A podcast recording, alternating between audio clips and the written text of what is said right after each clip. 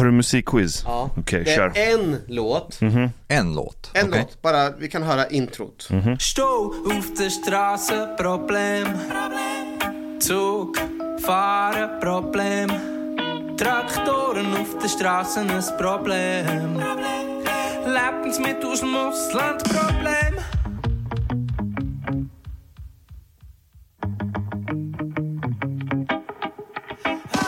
Vet.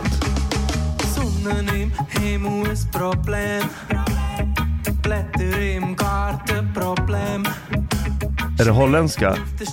Jag tror att de är från Schweiz. Aha. Okej. Men om ni får gissa. Ja. Hör, den var skitfet. Sounds, sounds very weedy. Exakt, visst låter det? Om ni får gissa, har de... Är, är det vita personer eller är det jamaicanska? Hej, jag vet vad det här är! Nu vet jag varför. Så avslöja ingenting. Okej. Är det vita eller jamaicanska personer? De har inte varit utsatta för kolonialism och rasism. De är vita. Finns det en sannolikhet att de spelar den här musiken, att de har typ så här dreadlocks? Alltså det här är det mest ledande quiz. Men ja, de, med tanke på att den var weedy så har de dreadlocks. Ja, ja. okej. Så om du bestämmer för att gå på deras konsert och se de här vita människorna som spelar weedy musik med dreadlocks, Eh, är det någonting att bli liksom upprörd över eller vad, vad tänker ni? Finns det någonting att bli irriterad över hur de ser ut på scen? Jag hade gått till arrangörerna på en gång och sagt att det här är kulturell appropriering. Ja, Så här får man inte bete sig. I would have thrown eggs at them. ja. Mm, just because I don't like dreadlocks in general. Aha, Oavsett Oavsett. bärarens Alltså. hudfärg. I don't like it. Det är Det kan vara ohygieniskt. praktiskt. Nej, men det kan vara praktiskt för en del som har mycket hår. Faktiskt, jag vet inte. Jag tycker att det är lite äckligt faktiskt. Ja. Min dotter får ju dreadlocks på en vecka. Om man inte kammar ut alla hennes lockar varannan dag med balsam. Så blir det dreads. But, but do they even, like, how do they wash it though? Det, det, man gör inte det. Inte man, i början, Man va? tvättar inte dreads. Ew! Ja. Jo, man kan tvätta det sen, men i början så får man ju, man får ju också jobba, kru, krulla ihop dem. Men det är väl flera veckor man måste låta det vara. Ja, jag tror det. Sen måste du ha en viss speciellt eh, schampo eller tvål tror jag. Uff. Men om jag skulle vara arrangör och anlita dem och så, så kommer du Ashkan och eh, liksom blir bestört över det. Mm. Då tänker jag att jag måste ta mitt ansvar och liksom ställa in hela konserten. Mm. Det är ju ett liksom normalt beteende. Det, man måste respektera sina besökare. Ja. Rimligt ändå. Mm. But uh, I saw something about this but I, did you read the story? I, Jag läste, läst. den, jag läste den idag när jag vaknade. Okej. Av slump. Och alltså, Vill du eh, berätta lite? Ja, berätta. Vad, vad Ja, hände? Det, det är något band från Bern. Ja, Laurum heter de, Ja. Lauarm, eller Laurum. Ja. Mm. Och så är det någon festival någonstans i Schweiz. Om jag inte missminner mig. Eller Tyskland, Tyskland, kanske. Ja, Var i Tyskland. Okej. Och sen går de upp på scen, börjar spela. Sen är det några besökare som blir väldigt kränkta och svarta människors vägnar. Jag gissar att de som blev kränkta är också vita. Definitivt. Och så blev de kränkta över att det är vita människor som har dreadlocks. Och de här människorna, de kommer inte från Jamaica. De har inte utsatts för rasism eller kolonialism. Därför får de inte ha dreadlocks. But I would have a question though. These people who were like upset, they were going to the concert of this band? Exakt. Ja. Eller nej, det var ju en festival. Så just de här som blev kränkta kanske gick dit för att de vet att artisterna de ska lyssna på, eh, de håller inte på med kulturell appropriering. Så med sannolikhet om de skulle lyssna på liksom eh, reggae-musik så är det 100% sannolikt för dem i deras värld att det är jamaikaner. Ja, För att det får inte vara någon annan som kan spela reggae. exakt. Exakt. För det är också kulturell. Ja, enligt den här logiken så är det det. Så de gick till arrangören och krävde att nej men vi mår inte bra av det här. Så då går arrangören och ber bandet att sluta, avsluta sin spelning halvvägs igenom. but this is like so bizarre. But- I don't really understand. Like, but here, like this guy, how many people like were upset? Like two, three Det people? lät som ett litet gäng bara. Det var inte som att hela festivalen började vända sig emot dem. Men bandet påstod att de märkte att det blev lite konstig stämning efter en stund. Aha. Eh, och det var efter att de här människorna hade då anmält. Is it Festival of the Woke or what? What is it? Allt är Festival of the Woke numera. is it? Ja. But uh, Men bandet dissade deras argument. De ja, de gjorde in- det? Ja. Kan inte det här bara vara en jävligt dålig, eller bra PR-trick för det här bandet? För jag tror att många har gått och lyssnat Ah, på de här Det nu. kan vara Intressant. det. Ja, Jag tror, det att kan de, vara jag tror det. att de här, alltså jag var ju och kollade på Spotify, de hade nästan inga spelningar alls. Ja. Men jag lovar dig, halva eh, Europa i varje fall kommer få veta vilket Ja, det här bandet yeah, är sant i och för sig. But also sometimes I wonder if these things are exaggerated, if it's like, you know, a storm in a teacup. And usually the people who try to like drive this, very few people, you know what I mean? Yeah, this is definitely yeah. not the majority of people. It, it just becomes problematic when the people who are in charge submit to the demands of this minority. Ja. Mm. Uh, but I, I- I'm surprised, like in the case of this festival. Do you think this would happen in Sweden? yeah You think? ja. Skulle arrangörerna ställa in en spelning? Det beror på Ställa vilka in. arrangörer det är. Det Men- handlar han, är det Men inte att folk stor... skulle börja klaga på det tror jag definitivt kan Det hända. kan hända, det kan hända. Okej. But would like the arrangören Aha. say, okay, now like, oh, sorry, you have dreadlocks, we cancel the whole thing. Det låter lite för mycket. Det beror på vem som arrangerar. Jag skulle inte bli jätteförvånad om det händer. Men det, jag, du, du har rätt i att det är nog förmodligen en minoritet. Ja. Jag har börjat märka det mer och mer nu med föreläsningar. Mhm. Där allt oftare, efter att föreläsningen är klar, du vet, jag är på väg hem, så kommer det någon som har varit med och arrangerat eventet som säger så här, du Ashkan jag vill bara berätta en sak. Mm. Att vi har haft lite konflikt internt för att ha dig. Och så frågar jag varför, då säger de, nej men så här, de flesta är taggade, de tyckte det var en bra bokning, det här passade oss perfekt. Men det är några som har höjt sina röster kring att du är problematisk för att du är i sammanhang som inte lirar med vår värdegrund. Men sen har de oftast kunnat slå ner de här människorna. Alltså typ lyssna på dem men inte agera på deras concerns. Men vad jag märker nu också, det är att det är många bokningsförfrågningar som kommer in, men skitmånga av dem rinner ut i sanden, Mhm. vilket är jätteovanligt för mig. Där anledningen är att, nej men vi har bytt riktning på vårt event, säger Mm. De. Eh, och sen eh, säger de inget mer. Okej. Men i vissa av fallen så är det folk som hör av sig och berättar att nej men det blev för jobbigt att argumentera för att ha dig Right. för då måste vi förklara varför du är med i den här podden. Det blir bara mycket enklare att ta någon eh, som är ja, men mellanmjölk och But this I understand. I mean, like, I don't accept it, mm. but I understand it more, like, compared to the dreadlocks thing. Um, ja, like I wouldn't be surprised in that way. But imagine like if they told you, like, imagine if you had dreadlocks and then they called you. By the way, they saw a picture of you in dreadlocks and they thought like you're not African. Sorry. ja, det hade varit en helt annan nivå av absurditet. Ja. Um, Men det är fortfarande en minoritet, det är jag väldigt Ja. övertygad om. Men om man tänker sig så här, det är förvisso en minoritet som kommer och klagar, men det kanske är fler som tänker tanken men inte kommer fram och ser till. Kan det inte... Det kan vara det, men jag menar du får ju pluspoäng kulturellt idag om du påpekar att någon är problematisk för att den har kopplingar till, fan vet jag, rasism och högerextremism. Då är det ju Mm. pluspoäng. but but I mean, okay, let- let's try to see it this way. I'm not. I'm not. I don't think that the most most of the people in charge actually really believe that they should submit to these like um, calls for cancel canceling and so on. Men de Eh, gör ju det ändå. Yeah, yes, yes. Okej. But I'm thinking, like, because if we think about incentives and the incentives, yeah, uh, there is, um, let's say, the, the there will be a cost to them having you, perhaps, but there isn't much of a cost in them canceling you. You know what I mean? Precis. But and I wonder if like the system should be adjusted a little bit, that there will be a cost in to canceling people. Det Mm. kostar ju i form av att man får ju ändå betala för själva bokningen. Nej, det är om, om de har gått hela vägen och bokat, skrivit kontrakt och sen väljer att inte köra vidare. Ah, Okej. Då måste de betala ändå. Okay, is- uh, I'm I'm just like thinking out loud here. Mm. imagine if they knew like now they are sitting discussing like the situation they're like okay we have like tho- those two three people five people whatever who are saying that we can't have ashkan yeah then they said, okay what would happen if we still have him okay there would be like some headache and stuff like maybe we don't really want to bother Exakt. but then what happens if we don't have him nothing Ingenting. ja then PR-mässigt ingenting. Oh, then for them, there isn't a cost to canceling you. Eh, out of like a pragmatic uh, approach, they would cancel you.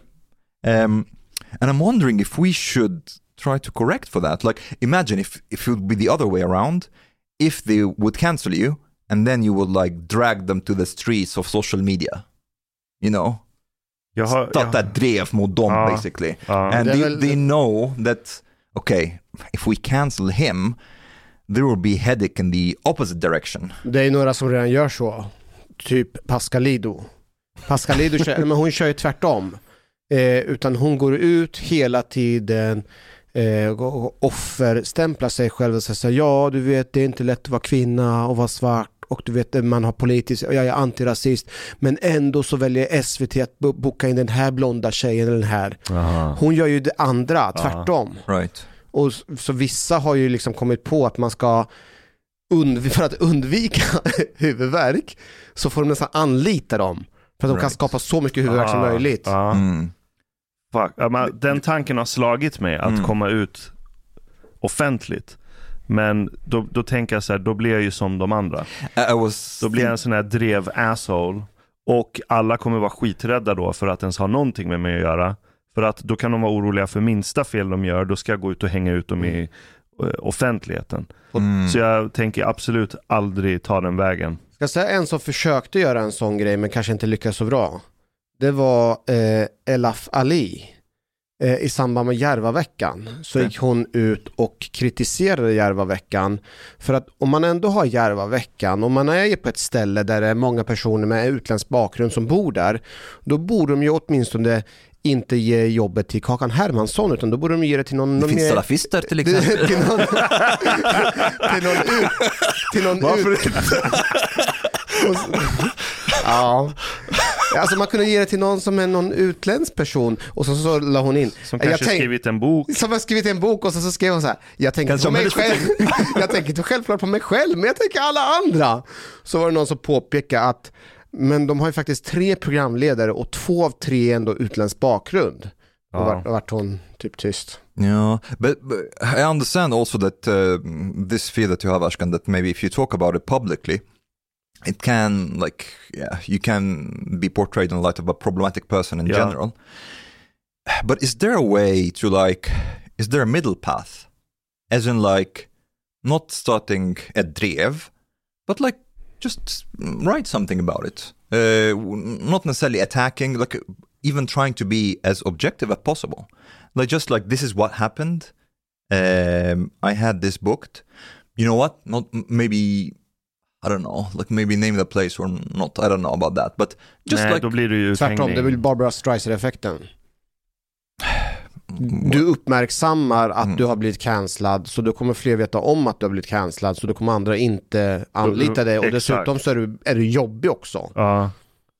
För det är det, kolla internt vad som sker. Mm. Det är att någon googlar och så kommer det upp, ja men eh, han är associerad med Chang Frick. Och då säger den här personen, han är associerad med en högerextrem person.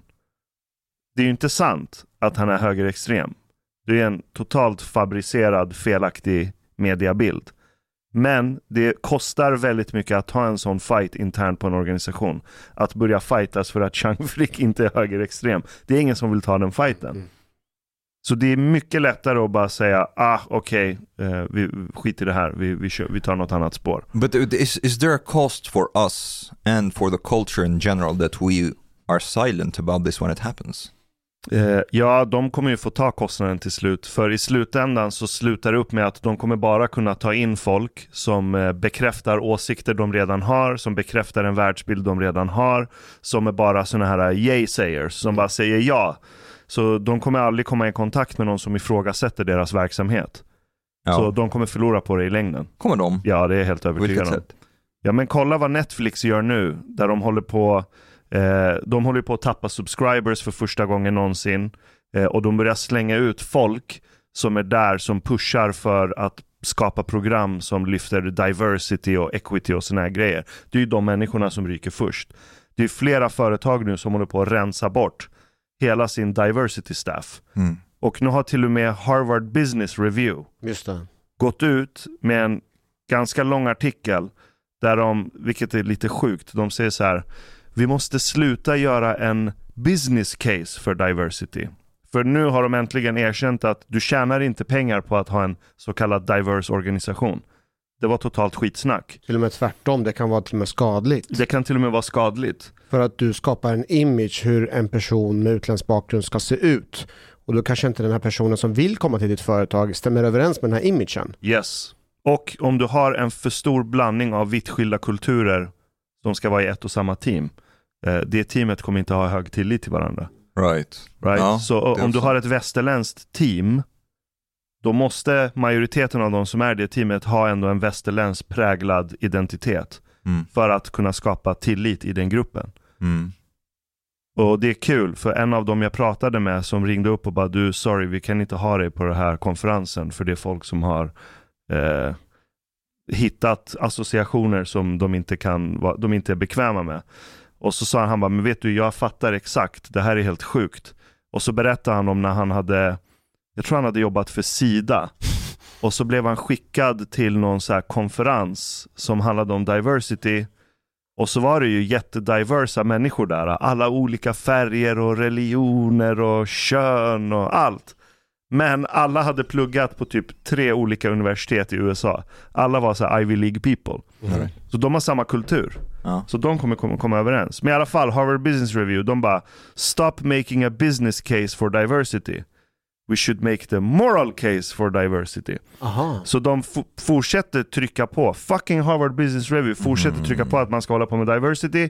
Men vi ska sluta och säga att man tjänar pengar på det. Intressant. För att obviously gör man inte det. Doesn't, does, it, does this remind you of another question? Nja, The migration question. Aha, like for, for ja, a long, ja. long period of time people were saying, oh, det är Yes. ekonomisk vinst. Just det. Uh, migration, we need migration. Just The businesses, people are aging and, and so on. The population is aging. These people will be like educated. They will start working and so on. Uh, and they will do the jobs that we don't want to do. And there's like a lot of doctors, a lot of uh, I don't know what. And then in the end, well, okay, maybe not. But at the same time, it's morally it's morally right to take these people. Like, let's just focus on the moral question uh, of asylum and migration and so on. It's a bit similar. Men, men, men jag får inte ihop det för att kom inte den här studien som visar att till och med att det var, fick ju motsatt effekt när man håller på att jobba med diversity. Jo, det finns eh, studier som visar att du får exakt motsatt effekt. Så om det får en Det blir för mycket motsatt kulturell clash. Ja, så om man får en motsatt effekt och om jag förstod att, jag bara tänker mig själv att så, ja, men jag ska söka ett jobb och så, så ser jag typ en person som har utländsk bakgrund så här, hej och välkommen till oss för vi är för mångfald som har en bild på en iranier.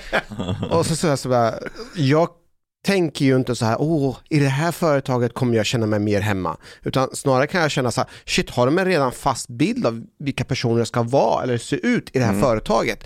Det här företaget vill jag ju undvika. Right. Så på så sätt så tänker jag att det blir liksom att det får en negativ effekt av att skylta med att man jobbar för mångfald. Hänger du med? Det vill säga att man, man skapar ju en image, en identitet av vem den personen ska vara som ska söka dit. Och man kanske är kanske bara svart på utsidan men jävligt vit på insidan. Och man vill bara vara. Ja, men det är ju det är ju så det är oftast. Då kollar du på de här ja, men, exemplarna som man paraderar med och titta vad diverse det är här. Ja, men ta något bolag som Spotify typ. Ja, på, kosmetiskt så ser det diverse ut. Till, om du kollar i kanske så här HR-teamet eller något sånt. Men det är som du ser, alla de är vita på insidan anyway. Mm. Så det är ju samma kultur. Mm. Så Ja. det, är, det är inte så jävla diverse. Nej, och, och, och av någon anledning, om det skulle vara blandning, då är det oftast svarta människor, men du är ju inte vilka svarta människor som helst, utan då är det oftast svarta som är från Västafrika. Ja, men det ser du ju på alla affischer för Ja, klädmärken. Ja, ja. De är jätte så kallade diverse, men exakt. Det är lite ljusare afrikaner oftast på dem också. Men här i Sverige är det mest somalier, eritreaner och så här, så det stämmer inte ens överens med den bilden Nej, av. nej, det är så jävla billigt. Jag, jag kollade alla de här bolagen. Det är ofta stora bolag som gör sjukt mycket vinst, Stora brands, ja, men så Puma, Adidas. Det är stora fina märken. Eh, när alla de här skriver sina diversity-rapporter så börjar jag kolla så här, ja, men vad är det de hänvisar till när de säger att diversity är så jävla bra och att det är good for business. Och allting leder till en rapport som kommer från McKinsey. Mhm. Och i slutet på den rapporten så står det i typ fontstorlek 8 längst ner på sidan. Vi kan inte bevisa om det här bara är en korrelation eller om det är ett kausalt samband mellan diversity. Och jag tror att med lite sunt förnuft fattar man att det råkar bara vara skitstora bolag som gör fett mycket vinst som håller på med diversity. Mm. Helt enkelt för att de har råd med det. Mm. Det är bara en lyxgrej. Det är som Mm. att de piercar sin image och tatuerar sin image lite för att se lite coola ut. För de har råd med det. Det är därför bolag som tjänar fett mycket pengar håller på med diversity. Det är inte att diversity har gjort att de tjänar fett mycket pengar. Det är bara att de har råd med det. Och nu, inflation, lågkonjunktur, krig, Mm. logistikkedjor fuckas upp. Vad är det första som ryker? Diversity teams. Mm. Vi håller ju också på med mångfaldsarbete. Hos polisen. Ja, och jag är dessutom medlem i Eklöven. Föreningen Eklöven. Vad är det för något?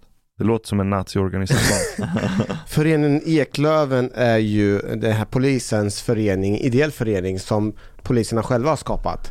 Det är Martin Lazar och sen så är det Amir Ostami bland annat i, i grunden som har varit med och skapat en förening där man ska jobba med mångfald för polisen. Mhm.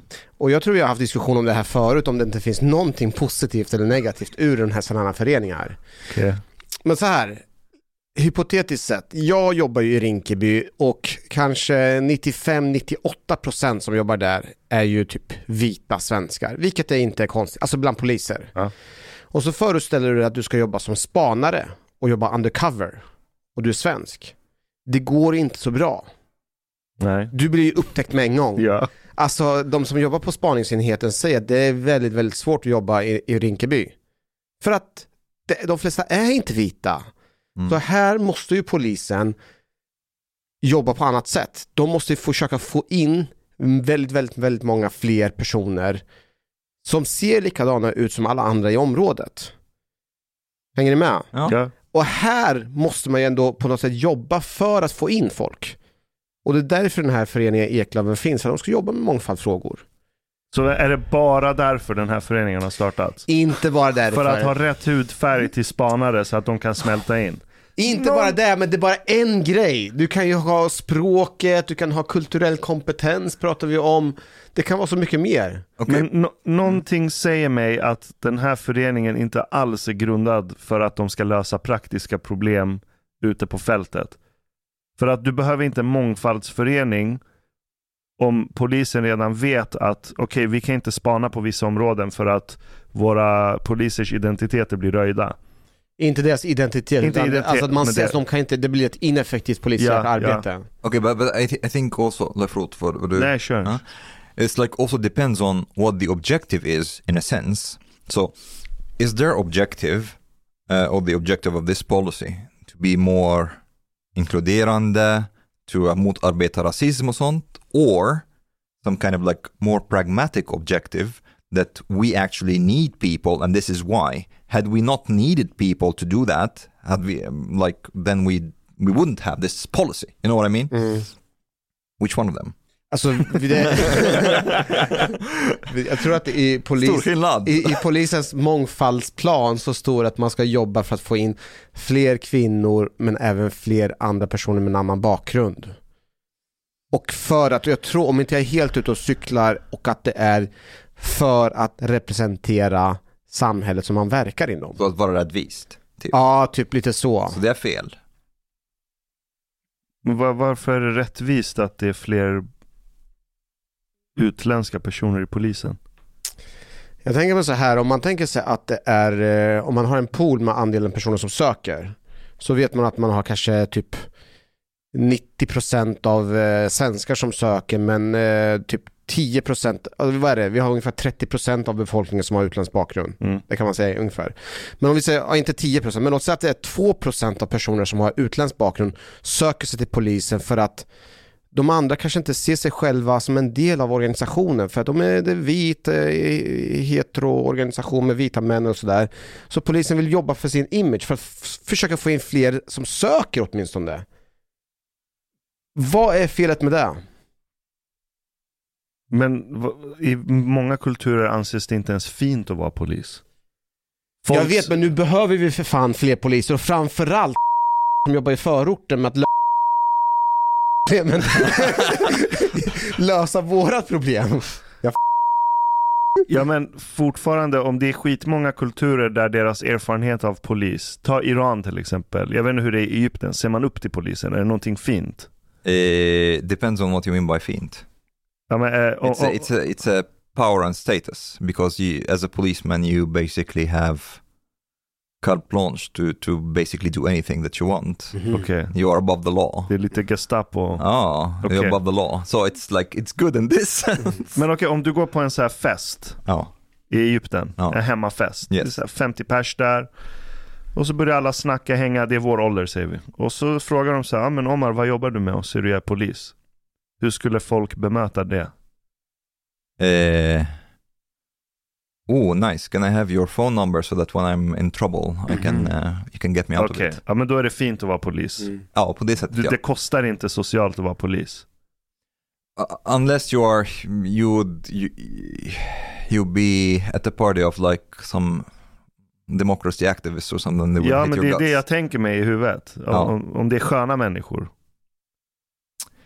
Yeah, but at the same time, the, the vast majority of people in Egypt are not democracy Nej activists. okej då. So they are just like, well, they want to. Men i persisk kultur, det är ju inget positivt Nej. whatsoever. Är det inte? Nej. Det är Men inte status och sånt, nästan så att jag skulle Really? säga det, det är skam... Ska man, kan man säga att det är till och med skamligt? Det är Jag, skamligt. skäm, alltså jag fick ju skämmas för mina persiska vänner att jag hade sökt till polisen. De Really? undrar vad- hur jag kunde ens tänka tanken på Nej, nej, men vänta, vänta, vänta. Persiska vänner här i Här Sverige. i Sverige. Här i Aha. Sverige, ja, ja, ja. But nej, like, nej um, vänta nu. Nej, tvärtom. Jaha. Jag, för mig, om du säger till en iranier i Sverige att så här, ah, men den här personen är polis.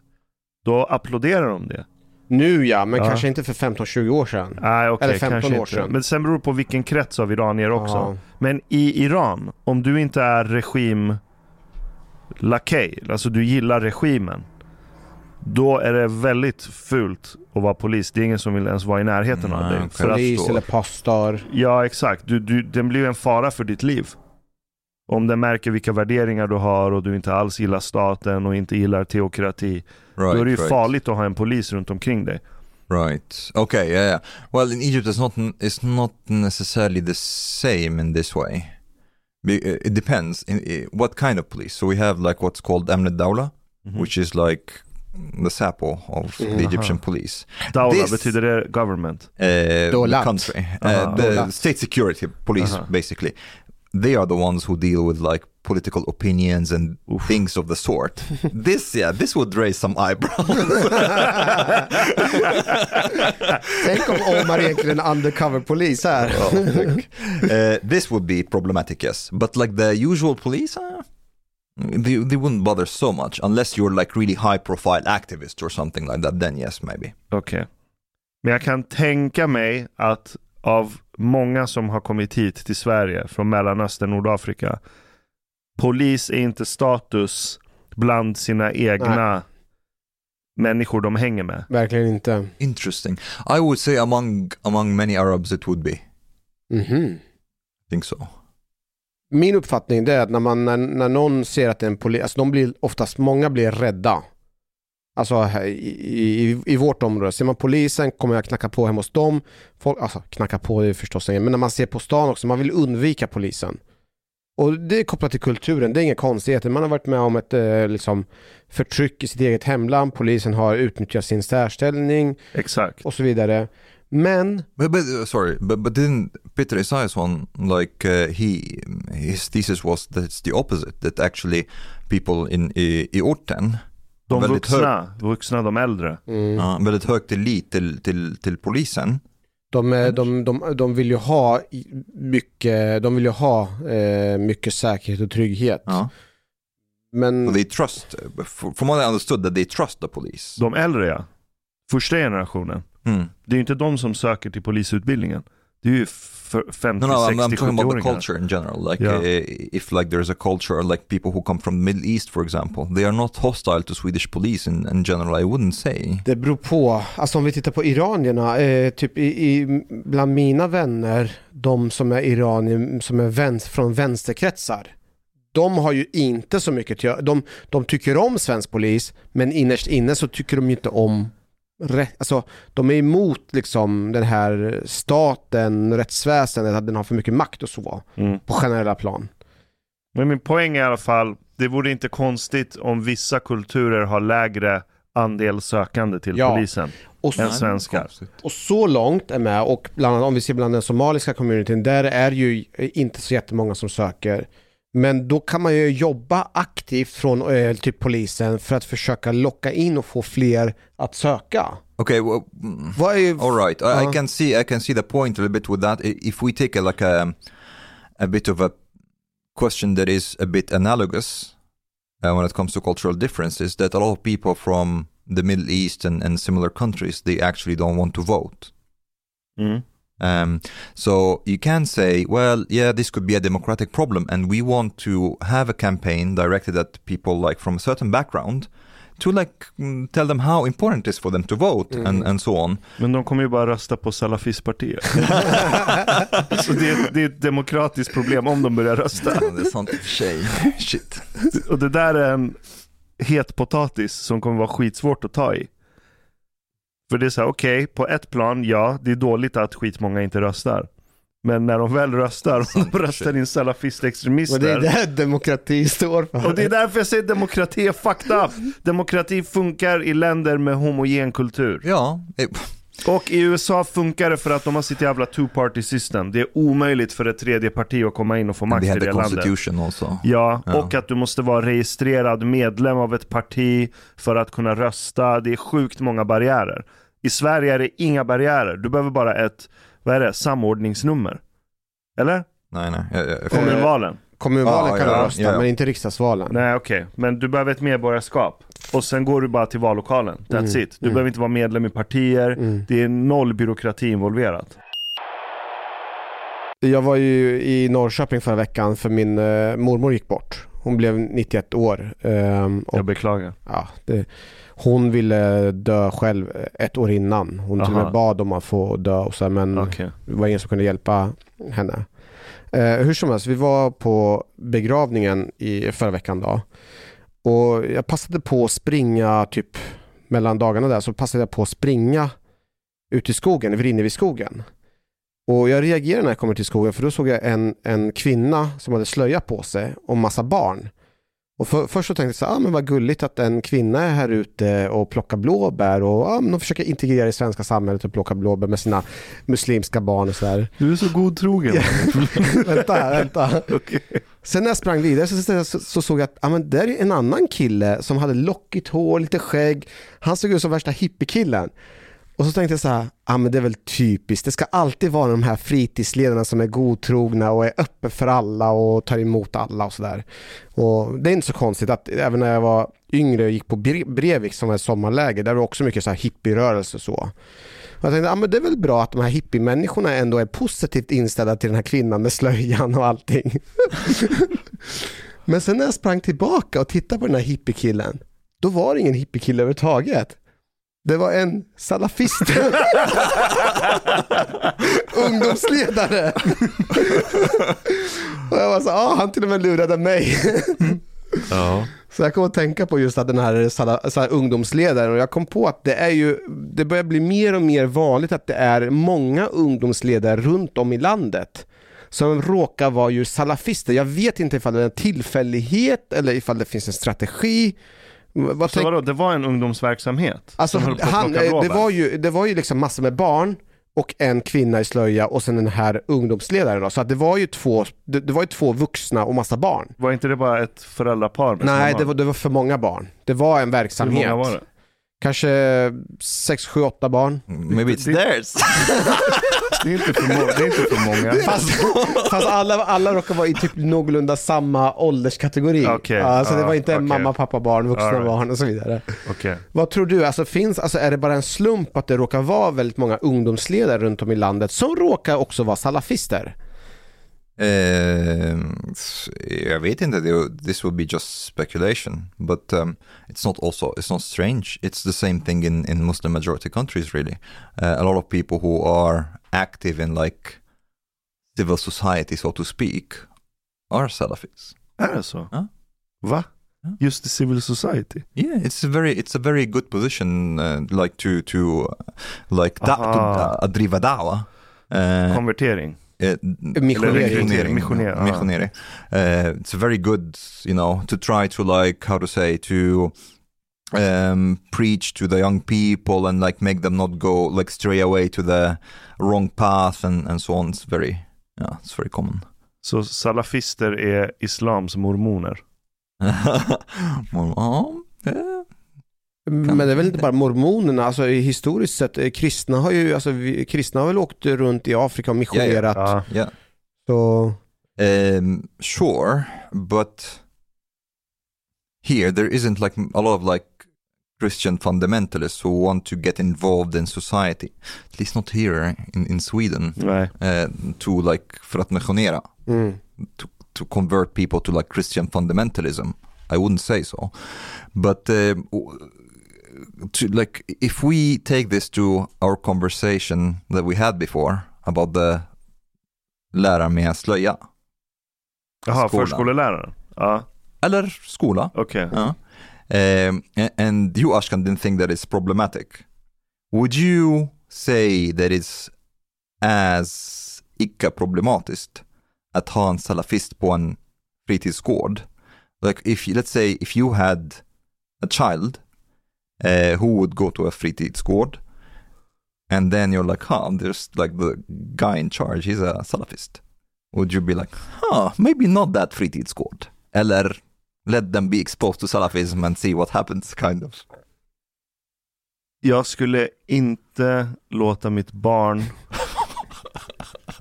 spendera sin tid på en anstalt där det finns salafister som har en statusposition i den anstalten. Nej. Varför inte? För Compared att, to the teacher. ja, men för att salafister är väldigt duktiga på att kommunicera ut islam på ett mjukt, omhändertagande, trygghetsskapande sätt. Som gör att just barn är väldigt känsliga för att dras till sådana idéer och teorier. Mm. Men, om den här Speciellt salaf- i tonåren. men om den här salafisten råkar vara liksom ortens hjälte flera år i rad. Det spelar ingen roll. Om han har röstats fram av området att vara en jättegod förebild och han har jobbat aktivt på fronten mot gängkriminalitet. Jag har lagt mina reservationer för demokrati. bara, för, bara, det, det är bara för att han har röstats fram av orten. Det är inget kvitto på någonting. I- I think, me personally, I think that um, because some people like uh, with what happened recently with Musa Asal and so on, like uh, that Expressen wrote about him and that he like han förespråkar strikt islam but like he gets like uh, um, rappare, gängkriminella, vad som helst att hoppa av uh, kriminalitet. Är det han som kallas Medina studenten? Ja. Ja, han har ett. Instagramkonto på, eh, som heter Medina studenten där Mm. han har, hur många har han? Var det 50 000? Eller? Ja, han är väldigt, väldigt populär. Mm. Han hängde i våra kretsar när vi var små. Är det sant? Genom basket. Ja. Aha. Ja, så det var vissa tillställningar där han också var där. För han kände någon kompis till någon kompis. Okej. Så jag har stött på honom flera gånger under uppväxten. Och, eh, Men Men bara, då var han inte religiös. When, when was he, um, how old was he then? Då var vi kanske ja, men, 12, 13, 14, 15. I personally think that Salafism is more dangerous for society today here in Sweden than gang criminality actually. Berätta. Because here, like, if you think about it from a long term perspective and also scale, yeah, a Salafist who is preaching to people in a certain culturally isolated uh, område, Mhm. uh, Typ utsatt område. Yes, Salafism and so on. He has the potential to convert many more people to Salafism than he would basically get people of gängkriminalitet. Mm. Eh, those people who, who, som är gängkriminella, they are not the majority of people i, eh, i utsatta områden. Nej, det är några hundratals Ja, säkert. exakt. But imagine if he manages to like the half a generation, because I think one interesting thing you should look at the phenomenon of Islamic revival in Muslim majority countries and how quick it goes. Like we had in Egypt, like in seven, ah, oh, 80s mostly. Shit, it's like a lot of people converted all over the fucking place to hardcore Islam. Um, suddenly everybody had beards, you know, all these like uh, preachers that come to the TV, um, neighbors knocking on each other's doors to like go to like lessons in the mosques and so on. And it, it bec- and there is some kind of like, um, yeah, like a revival of, of like their religious faith. is something that, that bonds them, they find meaning in it and so on, but then they change their values totally. Och det går jättefort. Um, I remember even like at home, my, my father like he grew his beard, and we we started to even like uh, my parents started to even um, uh, on the vases and so on that when there is like uh, drawings of angels and things like that, det de målade över och Mhm. yeah, it's like and my father used to drag me to to uh, to the mosque for lessons and uh, jag säga vad mitt största problem med salafismen är? mm, Att det verkar som om inte det är Alltså, jag tänker inom islam men även inom kristendomen så får du tänka och reflektera själv. Men här, det finns ju inget utrymme för eget, egen reflektion. Du får ju inte själv fundera vad som är rätt och fel utan allting hänvisas till någon extern källa. mm, Och det är ju för mig jättefarligt när eh, ungdomar och barn inte ska själva komma fram till någonting. Utan hela tiden så ska man ska referera till någon hadith eller någonting. För då, då, frå- då, då blir man ju passiv. Mm. Men jag tänkte, Omar, jag ska bara komma med en kommentar där. Men om du tänker oss i förorten och med den problematiken som vi har just nu med gängkriminalitet. Och från polisens sida så är man ju rätt så öppen med att man har ju väldigt stora problem och framförallt med att jobba med avhopp. Mm. Vi skyltar ju utåt sett att vi jobbar väldigt mycket hårt med avhopp men i verkligheten är ju att det går ju jävligt trögt. Det är skitsvårt. Men om den här eh, salafisterna lyckas konvertera de här gängkriminella från att skjuta varandra och sådär så bara lägger de ner sitt vapen. mm. Är inte det, Förtrycka sina döttrar istället. men, Eller är det, systrar. väl, det, det är väl en vinst på kort sikt här och nu? Ja, men det är som att jag vill värma upp så här fryst kyckling i min lägenhet. Istället för att stoppa in den i mikron så tänder jag en brasa i vardagsrummet. Det vill säga, kycklingen kommer tinas upp och den kommer vid en kort stund också vara perfekt temperatur och saftig och redo för att äta på bekostnad av att hela huset brinner ner. Ja, det, det är en bra Nej men vänta nu, comparison. eh, eh, eh, bara för att vara så här.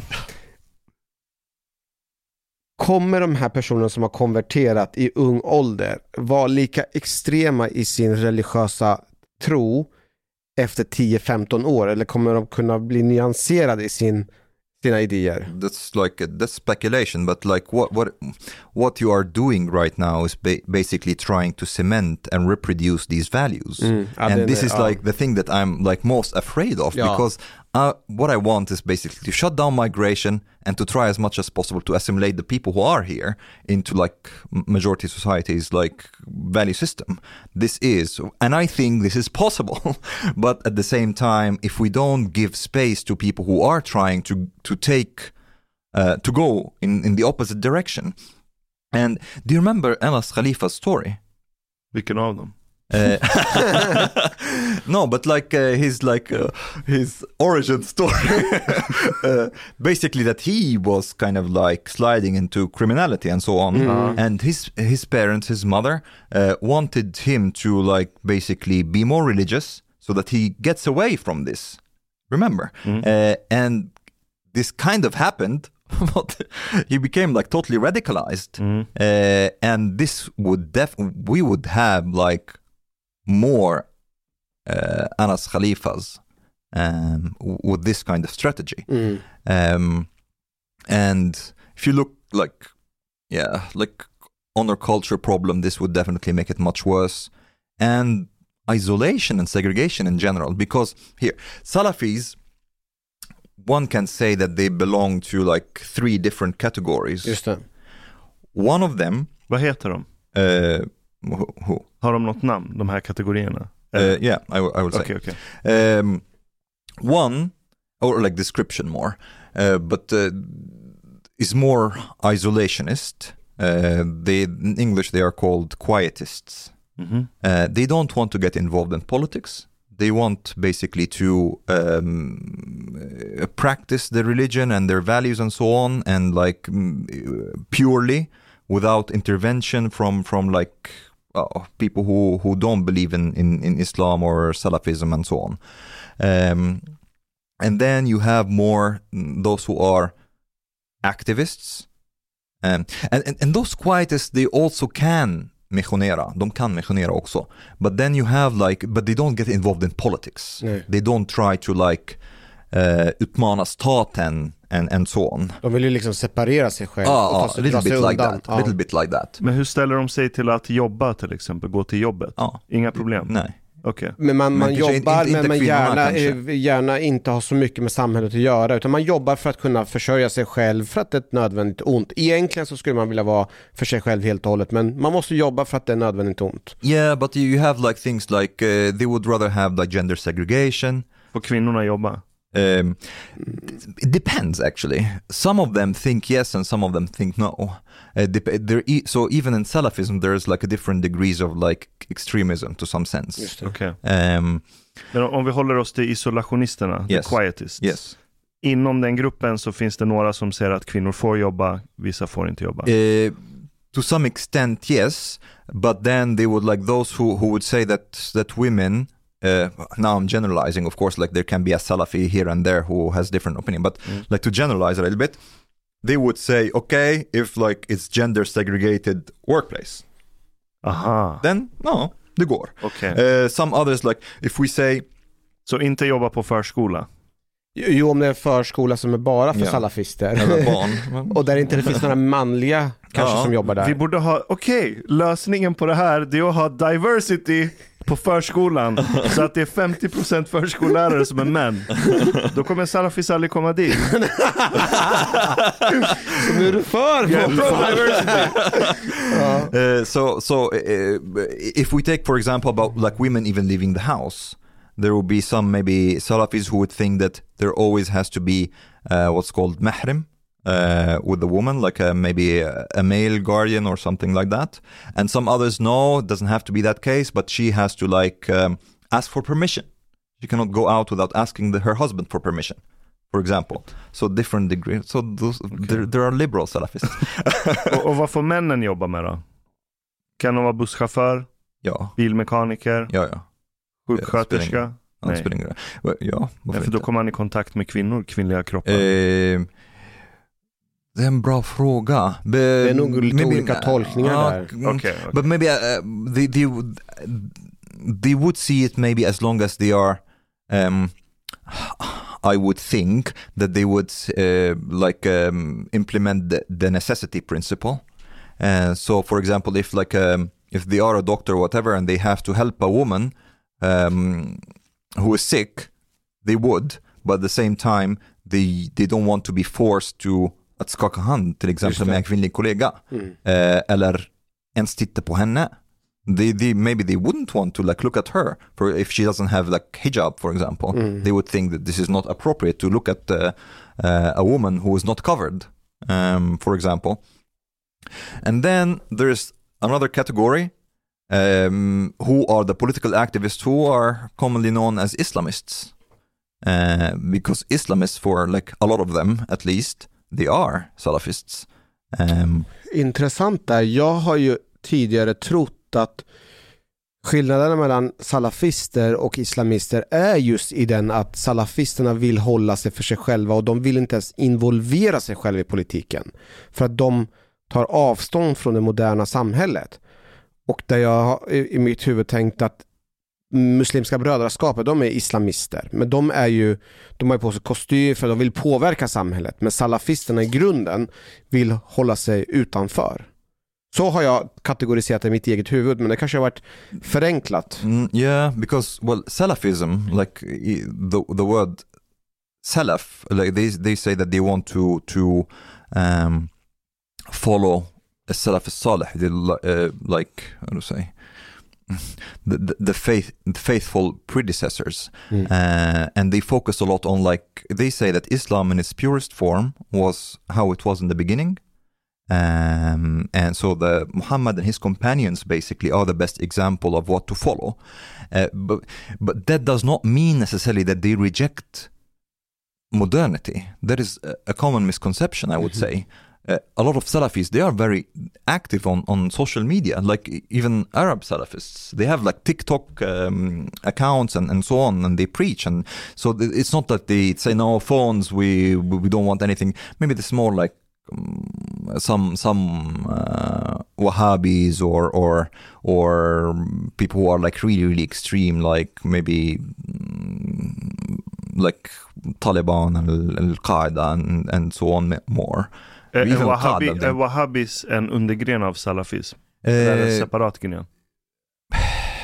the the overlap to some extent, but but Wahhabism was started by um, um, Muhammad ibn Abdul Wahhab, uh, who helped basically in the foundation of the Saudi kingdom.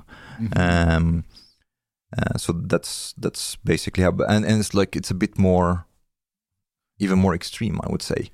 Om man But- får bara ställa en Ja. Det här med att eh, salafister är på sociala medier, är inte det en generellt sett en ny företeelse eller har det alltid funnits ett? För att jag har inte kopplat liksom sa- salafister med eh, moderniteter. Alltså till och med klädseln, hur man, klä- allting är ju liksom så pass bakåtsträvande tänker jag. Så att det blir sån paradoxalt But där. th- this is this is also what's interesting because they Salafis they have like what's called ijtihad. Uh, ijtihad is like um, b- basically try to, in a sense, uh, a part of it is try to trying in a sense to reinterpret uh, or or like no apply the interpretation of this pure Islam on in our modern world. So, for example, common questions would be: Is using the phone haram or Just not? Mm. For example, this is this is these questions would Salafis they engage in. Så det är lite what would Muhammad say? Mm. Ja, man hade levt yeah, idag. Exakt, but there's a very good way to see it. Yes, yes. de- What de- would Muhammad and his companions do in today's world? Basically, yes. Och de har ju en sida eh, som heter islam.nu. Där det finns ju bland annat Musa Sal men också Dr. Abdullah Sueidi finns där och andra personer. Heter han do, Dr. Abdul Al-Suedi? Abdullah Sueidi ja. Jag tror att han har till och med konverterat, han är kanske nog svensk men konverterat. Jo, här är Dr. Abdullah Sueidi. Har han dreadlocks?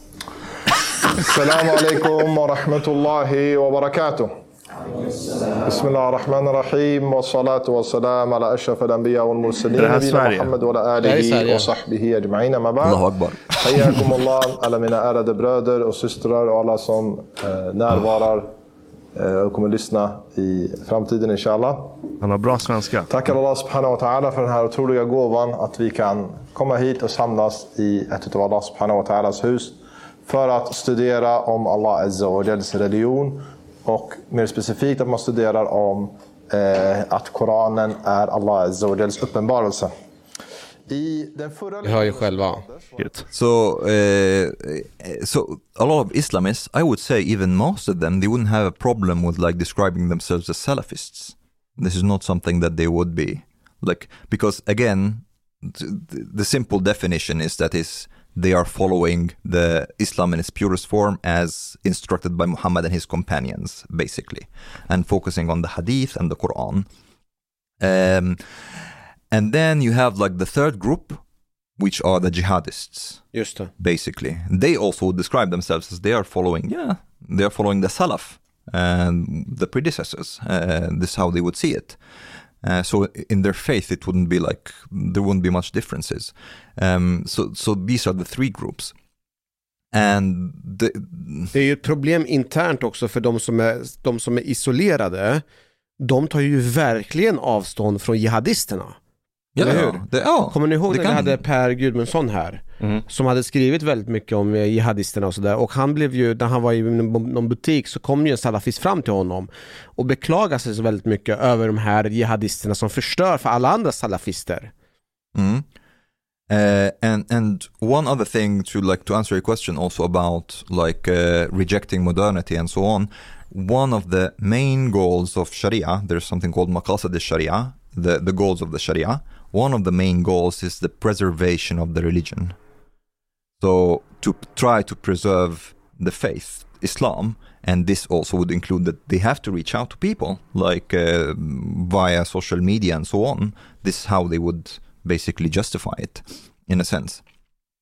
And my my view is that it's more harmful that we reproduce generations of Salafis than to s- basically att få några gängkriminella att hoppa av. Men hur ska vi, eh, men nu när de finns där, om, om, om jag skulle vara en salafist och skulle söka till en ungdomsgård som ungdomsledare, Right. ska man neka mig på grund av att jag har en religiös tro eller vad, hur ska man, Okay, hur but ska this, man, hur ska man tekniskt sett förbjuda det eller liksom begränsa good, det? uh, I wanted actually to ask you that question. Mm. uh, if a hardcore Salafist would apply to the police uh, and he says, well, jag tror inte på uh, jämställdhet, jag tycker homosexualitet är en synd and so on, but you know what, I will do my job perfectly. Nej, det ska Eh, inte gå. What would be the answer? Like, uh, what, what would Tyvärr, fail them det, at? det passar inte in på typ polisens eh, värdegrund eller... Det är en diskriminering. Ja, alltså det, nej, men man skulle säga att det är ju... Det är en diskriminering, det, vad bra. det, det, alltså ditt sätt att tro i, kommer ju diskriminera per automatik. För hur kommer det sig? Du kommer, för det första så kommer du få ta i kvinnor, du kommer liksom röra alltså klientel och så. Men sen så kommer du få jobba med homosexuella, du kommer få jobba med kvinnor. Och i våra arbetsplats så är, har ju kvinnor lika mycket värde du kanske har till och med kvinnliga chefer och det måste du bara förhålla dig till. Om du i din tro på något sätt har en begränsning i att kvinnor ska vara på ett visst sätt, då, då är inte det här en rätt arbetsplats för dig. Okej, men så här. Uh, I can tell you, yeah, I understand, but I mean, like, we can find a way around it. Like, you know, we can, vi kan, ni kan anpassa er, jag kan anpassa mig.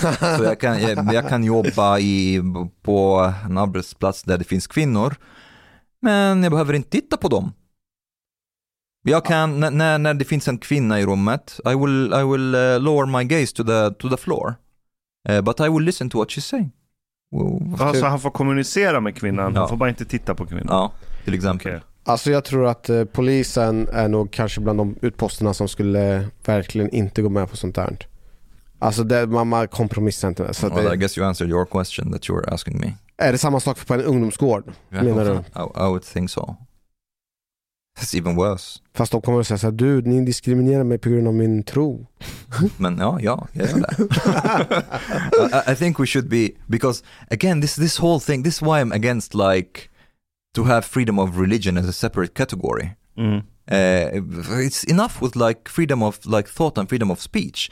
Uh, yes, like uh, you cannot just say, well, I have like whatever religious beliefs I have, and you can discriminate against my religious beliefs. Well, some of them are just incompatible with with what we're trying to have here. Um, you cannot tell me, for example, that you will not look at your colleague who is a woman because she's a woman, or or you don't want to like you will shake hands only with men and and and so on. Um, this is what I think at least, and all this what's happening is that we are reaping what we saw basically. Um, we have taken in again many people from a background that's like it's way too different from from Sweden, and now we have to like deal with the with the consequences. Um, it is what it is. Har inte Dark Enlightenment-människorna rätt då? På vilket sätt? På det sättet att om vi går tillbaks till vårt urvästerländska arv, det som gjorde väst så great, och så forcerar vi det på människor och så förbjuder vi allt annat. De vill ju egentligen installera lite mer cojones, eller mycket mer cojones. But some of the dark enlightenment like Salafis. Jag vet, jag vet. De gör det för att, okej, de håller med om varandra om maskulinitet och liberal feminitet. and like Ja, att like demokrati är dåligt etc. that. Ja. Men när jag, hör, när jag lyssnar på dig prata så låter det som att västerländsk kultur behöver mer cojones för att push back Yeah, definitely think so. på värderingar som är ett hot mot västerländsk Ja, kultur. yeah. Hur gör man det utan att gå emot freedom of speech? Um, yeah, it, it is a delicate balance, I guess. But uh, I, I think, generally speaking, uh, my kind of like liberalism is not a amoral r- liberalism. So basically, the most important thing for me is not just like um, individual freedom and that's it. I'm not libertarian in this way. So I believe that there are some values that belong to a liberal democracy and some that simply do not. Um, and here I, I would say, if I have a Salafi that's telling me like I will not be able to look, look at women in the workplace, I'll tell yeah, well, too bad. You will not be able to be police. Mhm. That's it. Um, det är ju det som är svaret också. De Ja. kan ju inte bli poliser. Yeah. Uh, and the consequences of this that they will they will not be part of of Society. Det blir ju not, så att de, de exkluderar sig, men de yeah. exkluderar sig själv från samhället. Ja, men det är ju ingen mänsklig rättighet att få bli polis. Nej. Så om du uppvisar kvaliteter och idéer som gör att du inte kan utföra ditt jobb, till exempel jag kan inte titta på kvinnor, eh, då är du ju diskvalificerad för det jobbet. Men Ja. du kan ju fortfarande jobba i en pizzeria. Ja, Om pizzeriaägaren inte har problem med att Mr Salafi här inte kommer titta de kvinnliga kunderna Mm. i ögonen. ja. Men han kommer inte välja, välja att lägga bacon på pizzan. Ja just det, hur blir Right. det? Well, if they want to open a Salafi pizzeria where, where it's only halal pizzas. Salafi hatt.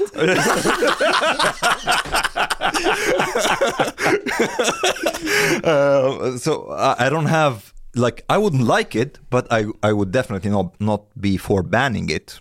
Sure, open your Salafi hut. Um, Salafia. Vad tror du är favoritpizzorna där? Är, är det lamm? Lammpizza? Lammpizza. Lamm och falafel. ja. Det skulle inte så gå så bra för dem bara när det är eh, fasta perioden, när Ramadan. Då får de väl ha stängt kanske på dagarna. Men, eh, kör du djävulens advokat här när du säger att det är bra att salafister gör att gängmedlemmar lägger undan sina vapen? Jag, jag, jag säger så här, Ser du den två- långsiktiga Nej men så här, här? jag, jag säger så här, det finns två aspekter. Jag är eh, helt och hållet med eh, Omars take. Eh, och när det gäller, vi jobbar ju själva inom polisen väldigt, väldigt mycket med värderingar. Vilka typ av värderingar vi har, vi ska vara en, alltså människor som bor i våra utsatta områden ska känna sig delaktiga i samhället, de ska känna sig delaktiga, inkludera och känna sig, jag till och med förespråkat att man ska känna sig till och med svensk. Problemet med eh, salafisterna är ju att de eh, jobbar ju för att få många ungdomar att känna sig muslimer. Mm. Det blir ju det är en värderingskonflikt som uppstår som egentligen från polisens sida inte kan säga någonting om för alla får ha vilka värderingar som helst.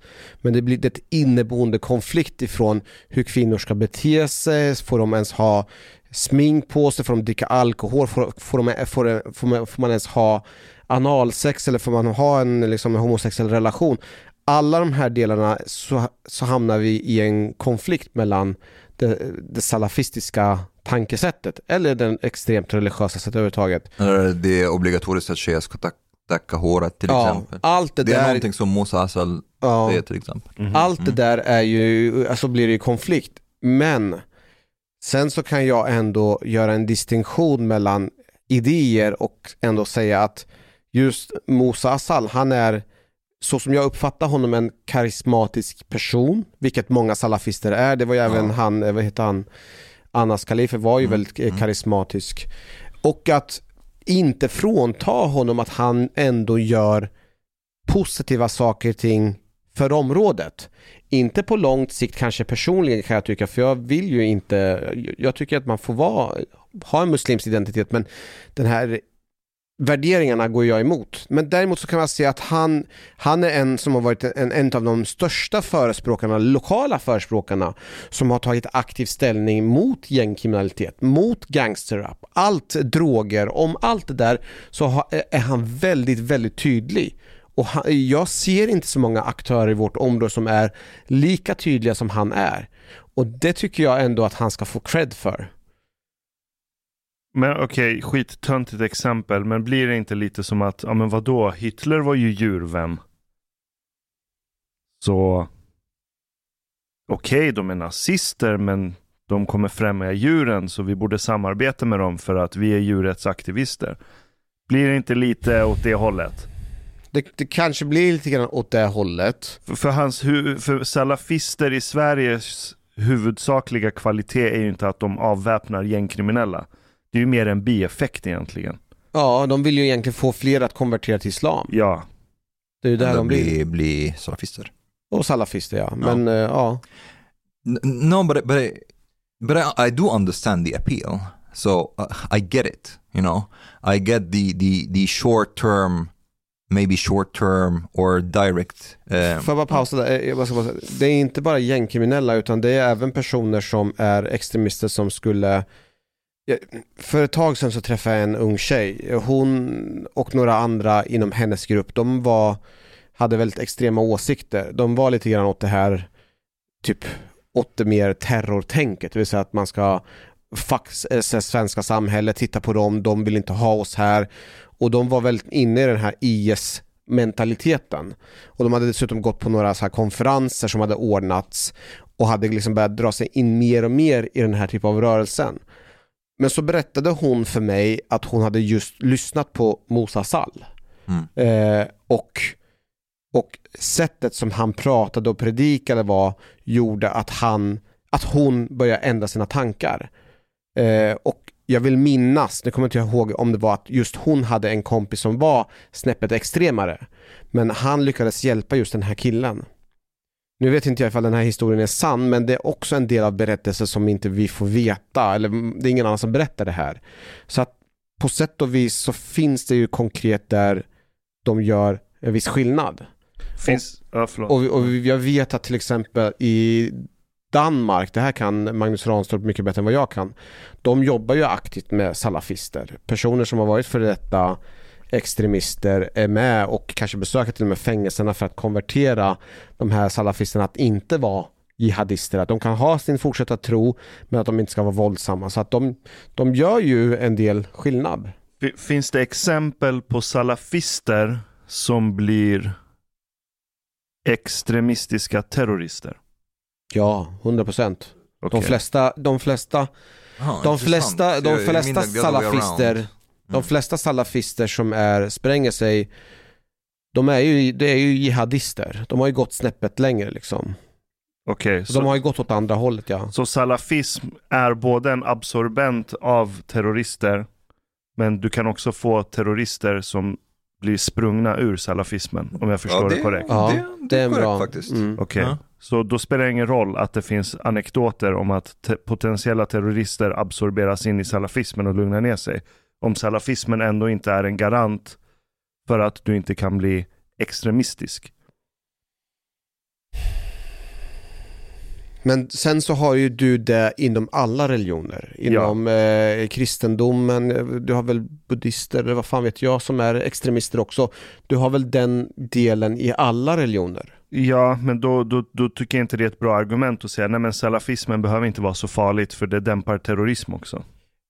Jag tycker att man ska kunna se nyanserna där i varje fall. Ja. Så att allting per att man inte kan kl- klumpa ihop och säga att allting ett och samman. Ja. Det är väl därför att jag tror att det blir lite fel när man när vi klumpar ihop allting. Det är väl där jag, jag vill väl komma fram till. Och där det finns, det är väl här jag och, och Omar kanske skiljer oss åt. Där det finns goda salafister. Mass, massor som är bra med salafister. But, uh, but you have a you have a good point, Ashkan, and and we can see it generally speaking on all kinds of like um, how to say shades of Islamic extremism in general. We can look even at Al Qaeda, Mhm. and one can say that Al Qaeda were moderate jihadists, Uh, Så vänta, Osama bin Laden var en moderate jihadist. jihadist, Mm. yes. Uh, Moderate på vilket sätt? he, he di- didn't want to like wage so much war against Muslims actually. Nej, det är sant. But but Bara spränga ett torn. Fast Nah, det var ju but- mot västerlänningar. yes, Aha. but uh, his one of his disciples, or like Abu Musab al-Zarqawi, he basically left him and Al Qaeda and established ISIS. It was like, Aha. fuck this shit, I'm Aha. going to kill the Shia, I kill any Muslims who want. I don't give a fuck. Men I'm var, det going inte, full on savage on this shit. men var det inte så också att en, going to cut off people's So he was part of Al Qaeda before. Uh, and tog inte can say- Al-Qaida avstånd från IS? För Ja. Al- Al-Qaida tyckte att IS var för extrema. These fucking extremists. so the same Vi är thing inte extrema, det är de. so the same thing one can say about like Salafis, and then part of them would be like become yeah jihadists. Uh, but okay, here I also think, let's say for every gängkriminell person som han får att hoppa av, he converts like Tio andra. tio andra till salafism. Mm. Okay. How if we try to follow this thread a little bit, this process, if you have like suddenly Tensta and Rinkeby becomes totally Salafistan, Mm, Salafistan. How how do you see these people getting in society? Do you see that they will integrate in society really?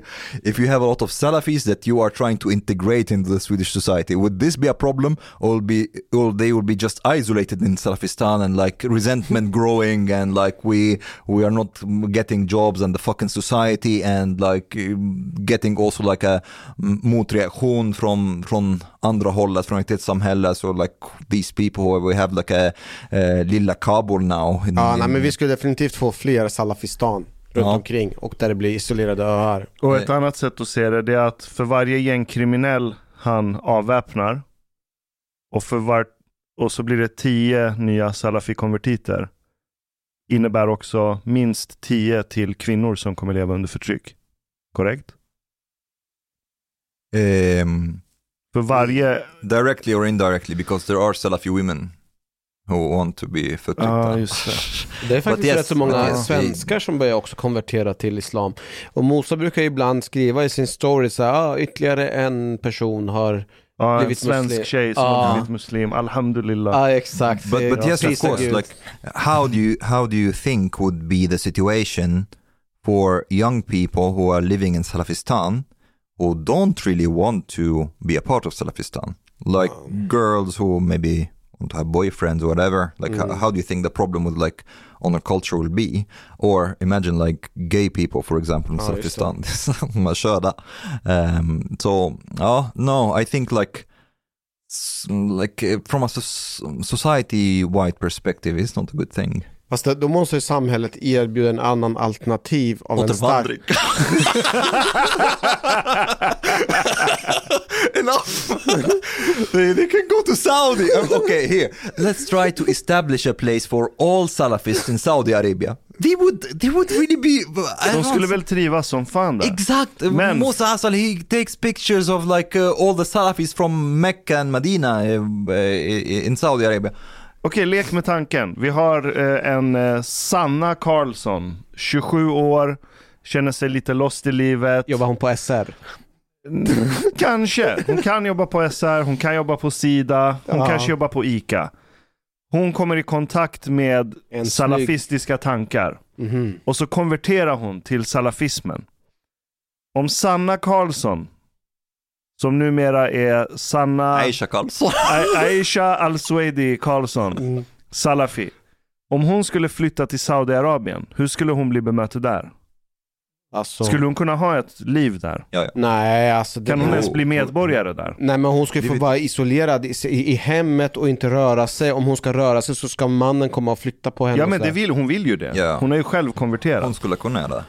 Skulle hon kunna in, utvandra till Saudiarabien och bli mottagen där? Och bli medborgare och få It- bidrag? It depends. Like if if she has like a um, Saudi husband, for example, Jaha, okej. yes, she would be. För det är det, det som slår mig. Va, vad är det som gör att du konverterar till salafismen och fortfarande vill vara kvar i Sverige? Jag förstår inte det.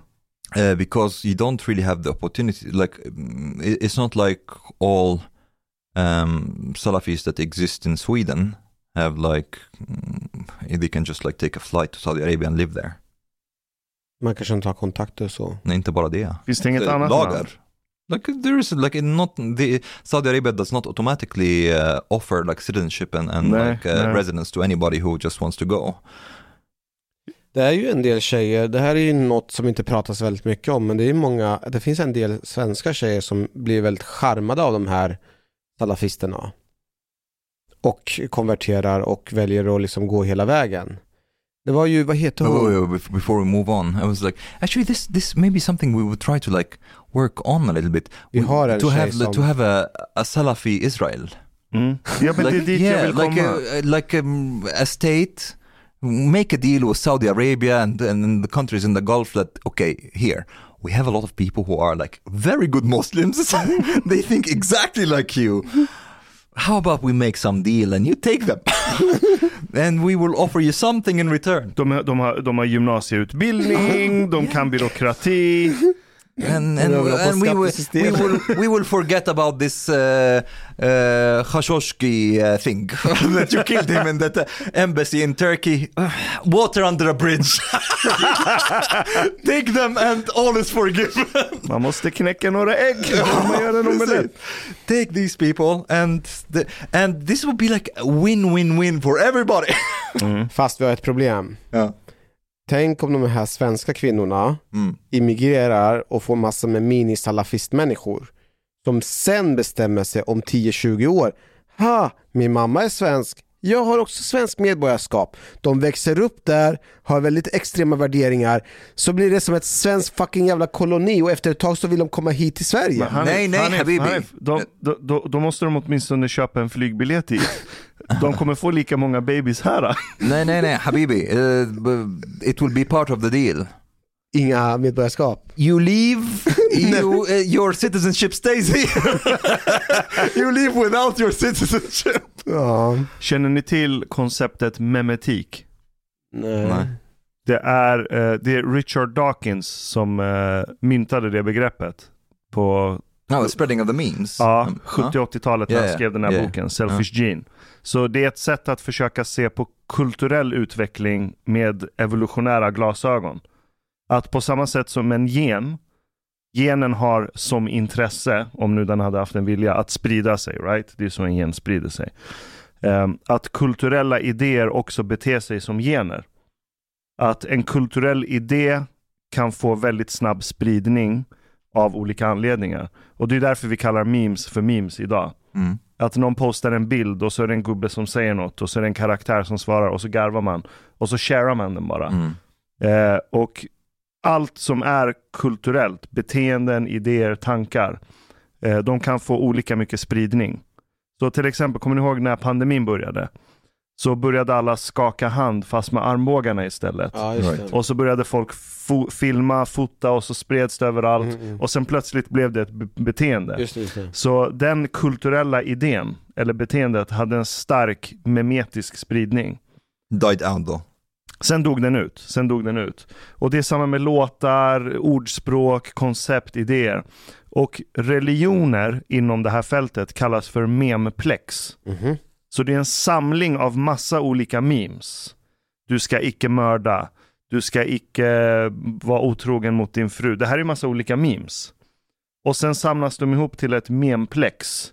Och så kan hela memplexet spridas. Mm. Det, det där har du till exempel religion. Eller västerländska liberala värderingar. Om vi tittar på salafism som ett memplex och gängkriminalitet som ett memplex. Gängkriminalitet, memsen inom den sfären, de har inte jättestark spridning. Har de inte? Nej, för tänk, tänk hur Jo. Ja, men tänk hur mycket alla memplexen från gängkriminaliteten har bara penetrerat alla aspekter av samhällen. But wouldn't gangster rap be considered Jo, like jo, jo, det är ju en del av det memplexet. Mm. Det är ju memes från den sfären, gangster rap. Just nu re- rekryterar ju de här meme, gangster memplexen väldigt, väldigt många unga från förorten i skolorna. Mer än de här salafisterna. Gör de verkligen det? Ja. Mer? Ja. Det är ju det som är grejen, att de är väldigt unga som sugs in i det här. Alltså, och det är det här som är Mm. största problemet hos oss, det är att även om man kan få de här gängkriminella att sätta sig i fängelse så är nyrekryteringen är ju fortfarande bland det svåraste att stoppa. För att de här små syskonen ärver ju sina storebröders liksom gängtillhörighet. Man, man, man går in i det liksom på något sätt. Och den här identiteten att man inte tillhör det svenska samhället gör väl, hjälper väl också på något sätt till. För min take var att salafismen sprider sig snabbare memetiskt än gängkriminaliteten. Det kanske finns olika sätt. De, It has poten. I would say at least it has potential to spread, to scale up in a way that gang criminality Det är det jag tror också. Up. I think so. För att, för att gängkriminalitet, det är fortfarande beroende av resurser, det är beroende av territorium, det är beroende av vapen, massa saker som är fysiska. ja, just det. Medan salafismen är helt oberoende de komponenterna. Det är sant. We don't have to like. But I think I think you're totally right. We we don't have to actually uh, think about it theoretically. You can look again at countries in the Middle East. Some of them you can convert a whole country to like super conservative Islam. I don't know of any country that has been totally converted to gang criminals. like everybody's like gang criminals. Ja, där har du det. Där har du det. Fast vi har väl genomkorrupta länder men som är, som är gangster. Ja men du har rätt. Italien. Ja. men du har ju rätt i att eh, de, de här eh, gangsterdelen, de är ju väldigt lokala. Och Ja. de påverkar väldigt mycket på lokala. Till exempel unga killar som bor i Djursholm rekryteras inte till gängmiljön på samma sätt. Så det, det är en mycket trögare och kladdigare logistikkedja involverad. Mm. Och precis, exakt. Du kan, mem, memsen från gängvärlden, de kan inte sprida sig till Djursholm Nej, fullt ut. nej. Så Djursholmarna, de kanske lyssnar på gangsterrap. De adoptar några, adopterar några av memsen. Men de kommer aldrig kunna adoptera hela memplexet Nej. gängkriminalitet. I värsta fall så är det några unga tjejer som blir liksom charmade av eh, de här Yasin Ja. och dem och blir deras flickvänner och skaffar barn. Så har du lite så här små... Lite grann. Ja. Det finns lite trafik mellan de här membranen. Mm. Mm. Men en religiöst memplex som är helt frikopplat från det materiella. Då blir det precis som du säger. Du kan få ett helt land att konvertera. Mm. Logistikkedjan är väldigt flytande Fan, och det var det snabb. som hände med oss i Iran. Ja, fast alla blev ju inte konverterade. Alla gick runt och lajvade konverterade Ah, för att inte bli avrättade. Ja. Men ja, det var ju många, det är många fler hardcore muslimer i Iran idag än innan revolutionen, Mm. tror jag. Tror du inte? Det är en bra fråga. Svårt att mäta. It would be interesting also to to look at the. I don't know if there is currently any. There was like a a few years back, maybe 2010 or something, about the rate of conversion to and out of Islam, um, and um, I wonder, like, also, like, what is the rate here in in Sweden for how many people are converting into Islam? Because also the people who tend to convert to Islam, they tend to be like super conservative. Um, uh, so, and especially like if you have people who who who are missing like some se- sense of like spirituality, meaning in life, and this could be yeah, you know, I have the answer. This is like the religion, the, the one and true religion, and so on. And we have this system, we have this like community, and so on. I, I told you that uh, one of my exes like converted to to Islam, right? Mm, Vad var a while back, innan? maybe I Vad var hon from- innan? this is the thing. She, I was attracted to her because she was like this free-spirited bohemian artist in fuck. Estonia. After we, we broke up, she's like, it, it seemed that she's like, I want the furthest thing away from this like Islam hater. Mhm. She converted to Islam and married an Islamist from Turkey. She went full in. Men jag tror det ligger någonting i det. Att ju mer din kultur saknar ja, men aspekter av spiritualitet, community, riktning, guidelines, desto mer känslig är du. Don't know what gender is anymore. Exakt, ja. Det finns inga tydliga strukturer och regler kring vad som gäller, vad som är sant, vad som är falskt. Ja, or what's right and wrong. Ja. Mm. Ja. So in that sense it also has potential to spread. Yeah, I don't know. Uh, Men vi kan ju inte förbjuda det. no, no, no, and that's not what I want either. Du vill bara utvisa dem. I want to make cut a deal that is good for everybody's like. But, Men de gör väl tvärtom Saudiarabien? De, är det inte så att de investerar här i Sverige? De bekostar massor med moskéer och så. Är det inte så Turkiet gör också? Så Ja. de jobbar ju tvärtom. Qatar as well Ja. and so on. Ja, de Yeah. äger ju köpcenter och grejer. Stur, Sturegallerian ägs ju av någon sån här äh, Är det sant? Qatar-snubbe. Visste ni inte? Nej. Jag tror han är Qatari, Mm. men han kan vara någonting annat. Mm. Så varje gång ni handlar på Sturegallerian, de som gör det, jag vet inte ens vem som gör det, så supportar ni radikal islam. Är det sant? Abu Dhabi. Aha, Abu Dhabi. Okay, but um, oh, but um, I don't know. I think it it would be possible to cut. Okay, but what do you think actually would happen if a politician here in Sweden just floats this idea? Like, you know, I just like want to like be pragmatic and make a deal that is good for everybody. Uh, I will go to like Saudi, will offer them some stuff, and the people who are here, the Salafis and the like people who, who feel that they are not really, de passar inte in i svenska samhället uh, and they don't want to change and they would have gone to like um, to the to Saudi or Emirates and so on uh, but they don't have like the legal right to do it but now I will facilitate that for them so it's a good deal for them Jaha. Nej, det är ju inte det. För a- alla de här salafirörelserna i Sverige, vart får de sina finansieringar ifrån? Saudiarabien. och Right. svenska staten Och, och svenska staten i bidrag och föreningsbidrag och föreningspengar, ja. Men, men förutom svenska staten så är det Saudiarabien, Qatar, Förenade Arabemiraten etc. Så då är frågan, vad har de för intresse? Jag tror att de gör en sorts territoriell expansion. Det är det de gör. ja. Så det är ju inte alls i deras intresse att alla salafis i Sverige åker tillbaks till, eller åker till Abu Dhabi eller eh, Saudiarabien. Det är ju tvärtom, de vill ju sprida ut det här territoriellt över världen. För då, på Eh. sikt så vill de ju konvertera hela världen till islam. Det är väl det som är själva målet med Så, alla de. Yeah. ja, så de skulle aldrig tacka ja till den dealen. Det går ju tvärt emot deras strategi. I think Och some, some would, some would, depends if they are the isolationists or the activists, maybe. Uh, I think the people who maybe feel that they they don't like really want to be a part of society here, um, and it's just like, oh, they have to be. They will see it as a good way out. Jo, men då kommer Saudiarabien skicka någon liksom grand, eh, vad heter de här högsta hönsen inom salafismen, prästerna, vad heter de? Mufti? Nej. Ja. Ja, då kommer Saudi skicka någon master mufti till Sverige som kommer förklara för de här svenska stackars salafisterna att nej, det är ert kall inom islam att om ni inte känner er hemma här, då ska ni göra det här till ett hem. Och så kommer de börja pusha dem till att stanna kvar. Vad ska Saudiarabien göra med 10 000 svenska medborgare som har konverterat till salafism? Det blir en kostnad för dem om de åker dit. But here I was saying I'm, I'm cutting a deal. Ja, vad är dealen? Eh, Vad, vad, vad vinner Saudiarabien på att 10 000 nya medborgare? Well, actually, actually, actually. Saudi Arabia, they are trying right now really hard to. This is why, like, they they thought a lot of like Biden's latest visit to Saudi Arabia. This was big because Biden said before that he will not deal at all by, with uh, Mohammed bin Salman, for example, because of the murder of Khashoggi. Um, so we will see. What do they want?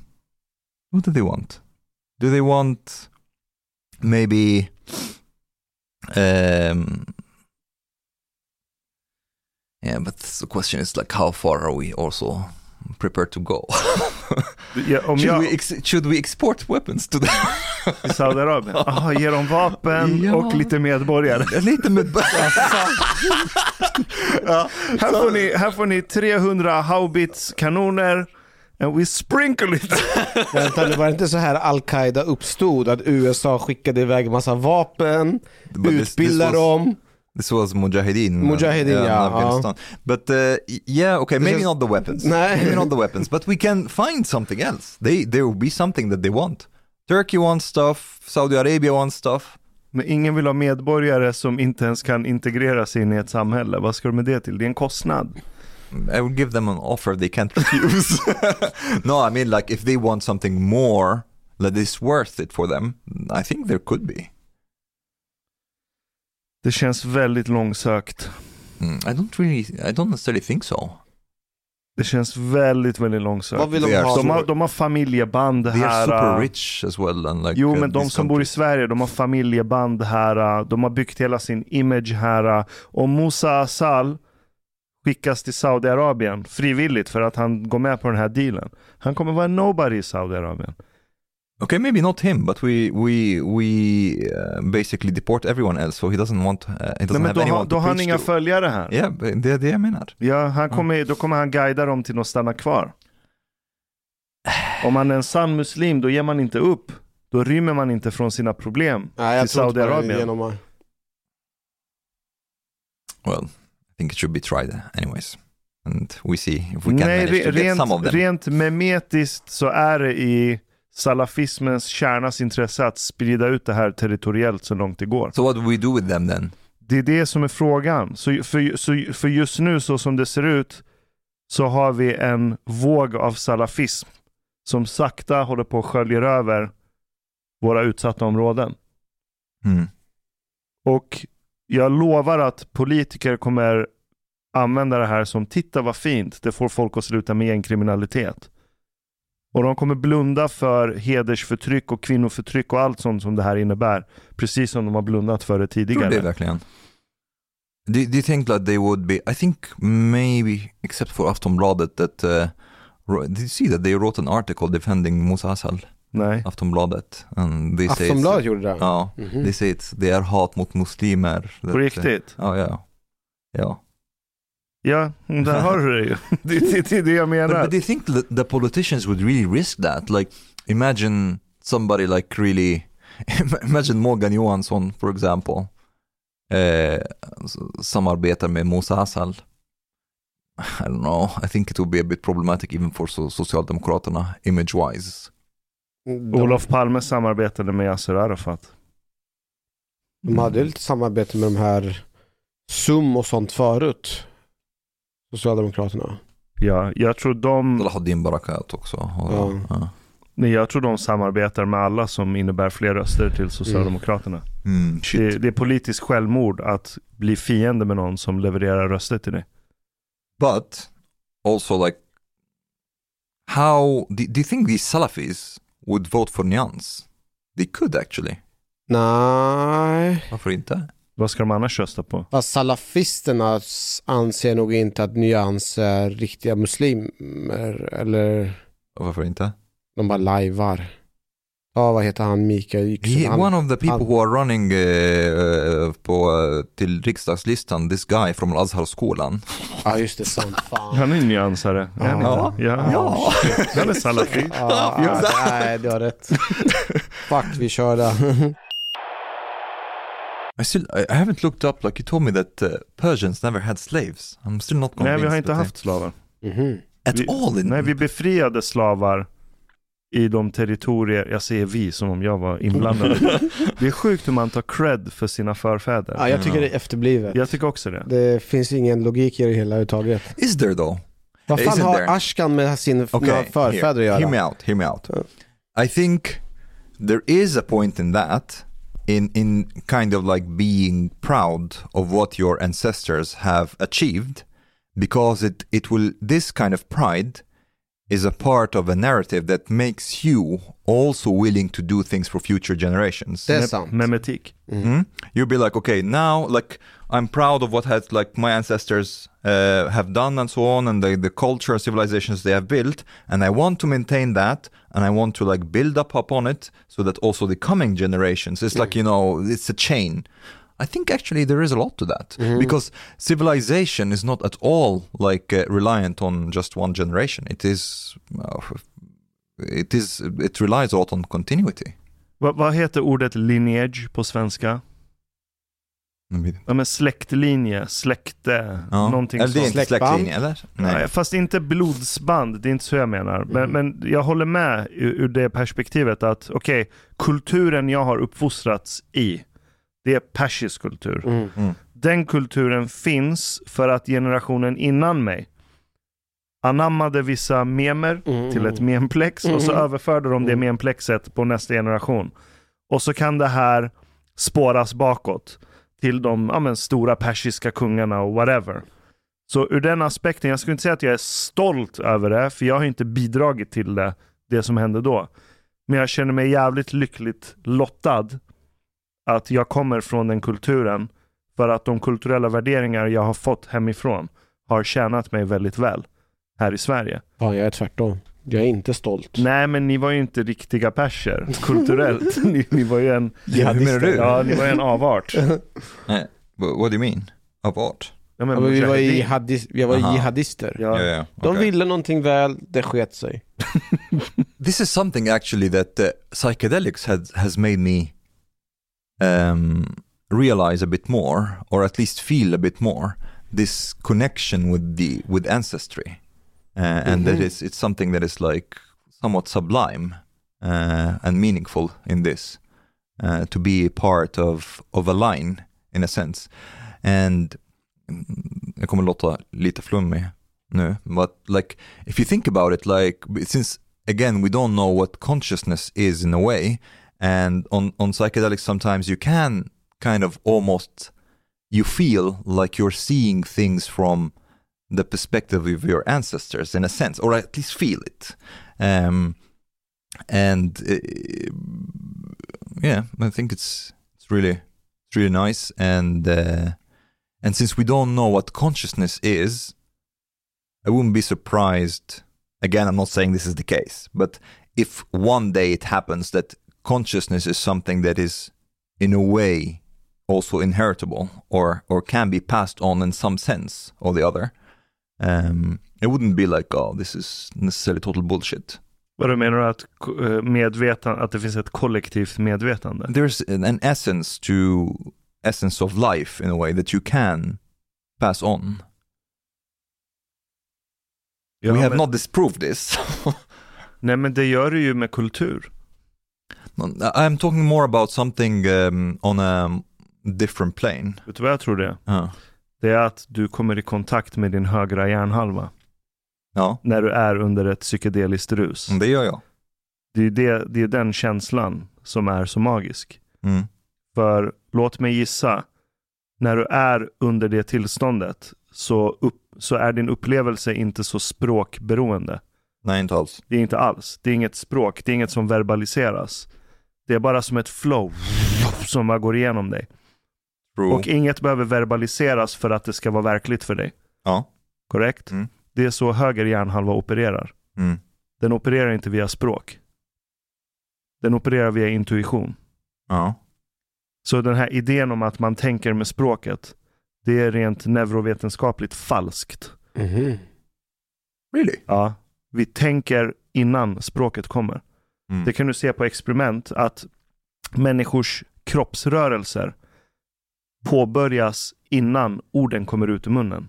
Right. Så en del av din hjärna har redan formulerat en tanke. Och så börjar kroppen agera utifrån den tanken. Sen görs den här tanken om till verbaliserat språk och så kommer det ut genom munnen. Mm. Så när du är under det tillståndet så blir du mer bortkopplad från det språkliga. Och så kan du uppleva existens mer direkt. Utan Mm. ett språkfilter emellan. Och det är därför när du försöker förklara med språk så blir det så flummigt. I know. För att när du säger språksaker till mig, då är det min vänster hjärnhalva som försöker tolka det. Mm. Och vänster hjärnhalva, den är autist. Den förstår inte flum. Allt ska vara rationellt, nedbrytbart, förstå- förståeligt som en modell. Och logiskt.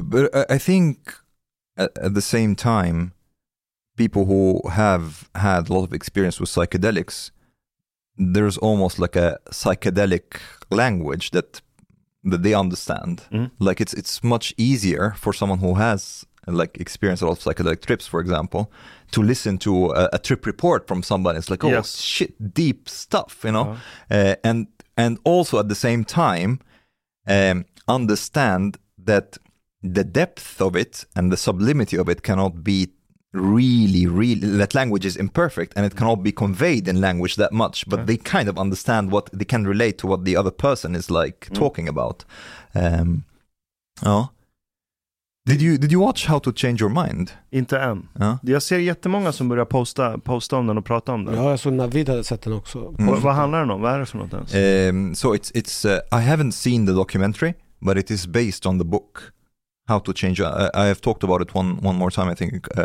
before. Um, it's a- it's a really good book by Michael Pollan.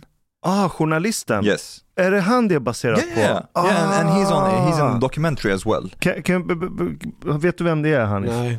Berätta för Hanif om Michael Pollan. Uh, I actually don't know his. He, I can't remember his background very well, but uh, he's he's like um, a journalist, and he does like these very deep um, um, journalistic uh, investigations in a way, and writes books um, based on them.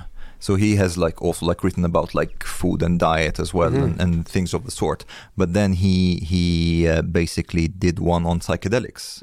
Och han, han är, förlåt att jag Ja, avbryter, så. han är ingen flummare. Nej. Han, är nej. han har varit en seriös, skitduktig journalist, haft en jättelång karriär.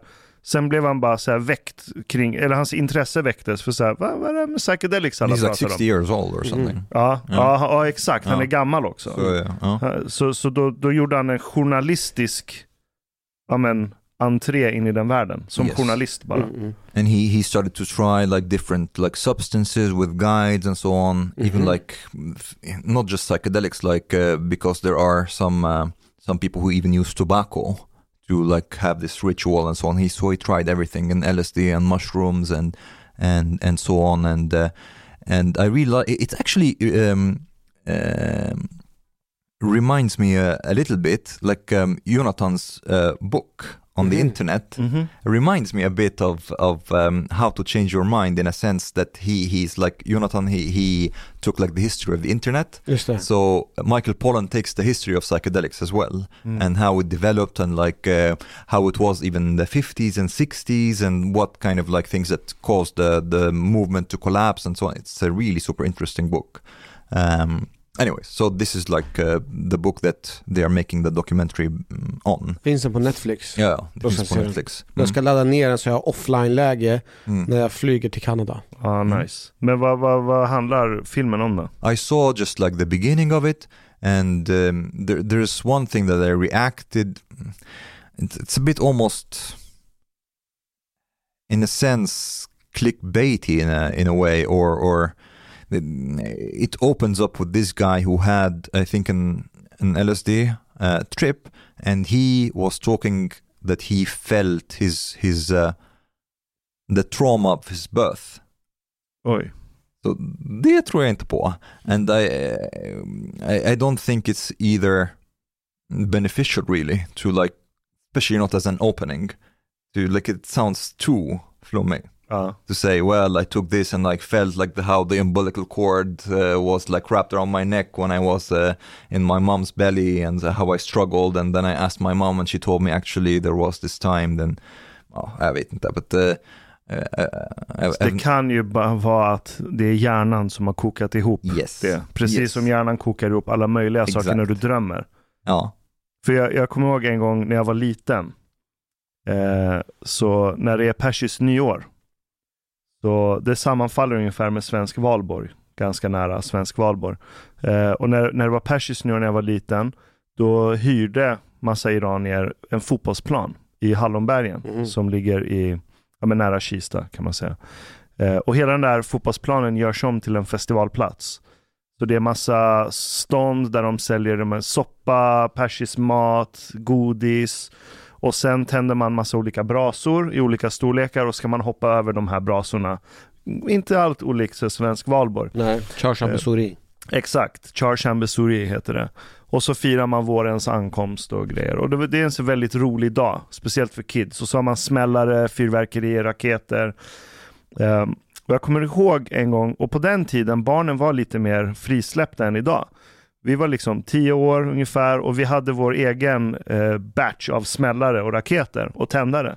Och så sprang vi runt med kompisarna och så smällde vi smällare och man var ju försiktig liksom. Inte nära barnvagnar, nära folk. Sköt lite raketer. Och jag kommer ihåg en gång så var det någon jävla skitunge som tände en sån här smällare. Jag kommer inte ihåg hur fet smällaren var. Och så kastade han den bara. Oh. Och den ramlar inuti en barnvagn. Oj. Ja. Shit. Och så baff smäller den. Oj. Shit. Och så springer massa vuxna dit och mamman springer dit och skriker. Det blir ju panik. Det är helt sjukt. Men det är ju sjukt mycket folk och det är jättehögljutt, det är ju musik. Mm. Så den stora folkmassan märker ju ingenting. Men den lilla klick människor som var nära barnvagnen ser det här. Så de springer fram och så springer mamman fram och tar upp ungen. Och ungen var fine. Okay. Ja. Så det hade inte hänt någonting. Nej. En gång när jag var under ett tillstånd, ett psykedeliskt tillstånd. Blev du barnet? Ja, Oh så, så ehm, det var ett väldigt kraftfullt tillstånd. Eh, men då i det här tillståndet så upplevde jag hela den här scenariot fast jag låg i den här barnvagnen och blev upplyft av morsan. Men, och du vet så här, då kan jag tolka det som, ah, jag delade mitt medvetande Right. med det här barnet och den överförde sin... Mm. Det är bara som en dröm. Precis som du drömmer, men den blir väldigt verklig, detaljerad Right. och kontextualiserad. Och så tror man att det har någon större betydelse. Det tror jag inte. But, but yeah, I mean, it depends on how you look at it. Uh, like, for example, I remember one time when I was uh, on mushrooms, I was transformed into my mother. uh, and it's almost like I was, it felt like I was like really, imp- like a degree. Uh, I saw it this way at least. Well, I was aware that I'm not my mother, but it's a, it's an extreme or almost in a sense perfect degree of empathy. Mm. Uh, so I, I was like basically almost that I'm feeling her feelings. She has been like really, we haven't seen each other in like 11 years now, and she has been like really, how to say, she, she's feeling bad about it and, and so on. And sometimes when we talk, she cries and like, and so on. And I kind of like almost like f- as if I'm feeling her feelings, how it was to that I've taken away her child from her in a sense. Um, and it was like pretty powerful experience uh, really perfect empathy. Um, so in that sense, it, it can really have like experiences that, oh, that increase your empathy in general. I would say, uh, and and your compassion. I remember the, the first trip I had. F- Får jag bara avbryta? Men den här känslan när du gick in i din, att vara din mamma. När du typ kom ut från trippen, vidtog du några åtgärder? Tänkte du på något annat sätt? Eh, Tog du några andra actions eller någonting? Uh, it, maybe it, it prompted me to be more in contact with her or something, Mhm. or that I have like more because sometimes she she uh, m- my parents is, are almost like in kind of mm, especially my mom maybe in some sense of denial that I have left Islam and so on and we don't really talk about religion at all together. And she's not on social media and stuff so um but sometimes she asks me like to like you know uh, to pray or fast or like uh, read the quran so on. And sometimes i i was like it got on my nerves you know? And i was thinking ah but like mm, can't she just like you know let it go? And so on.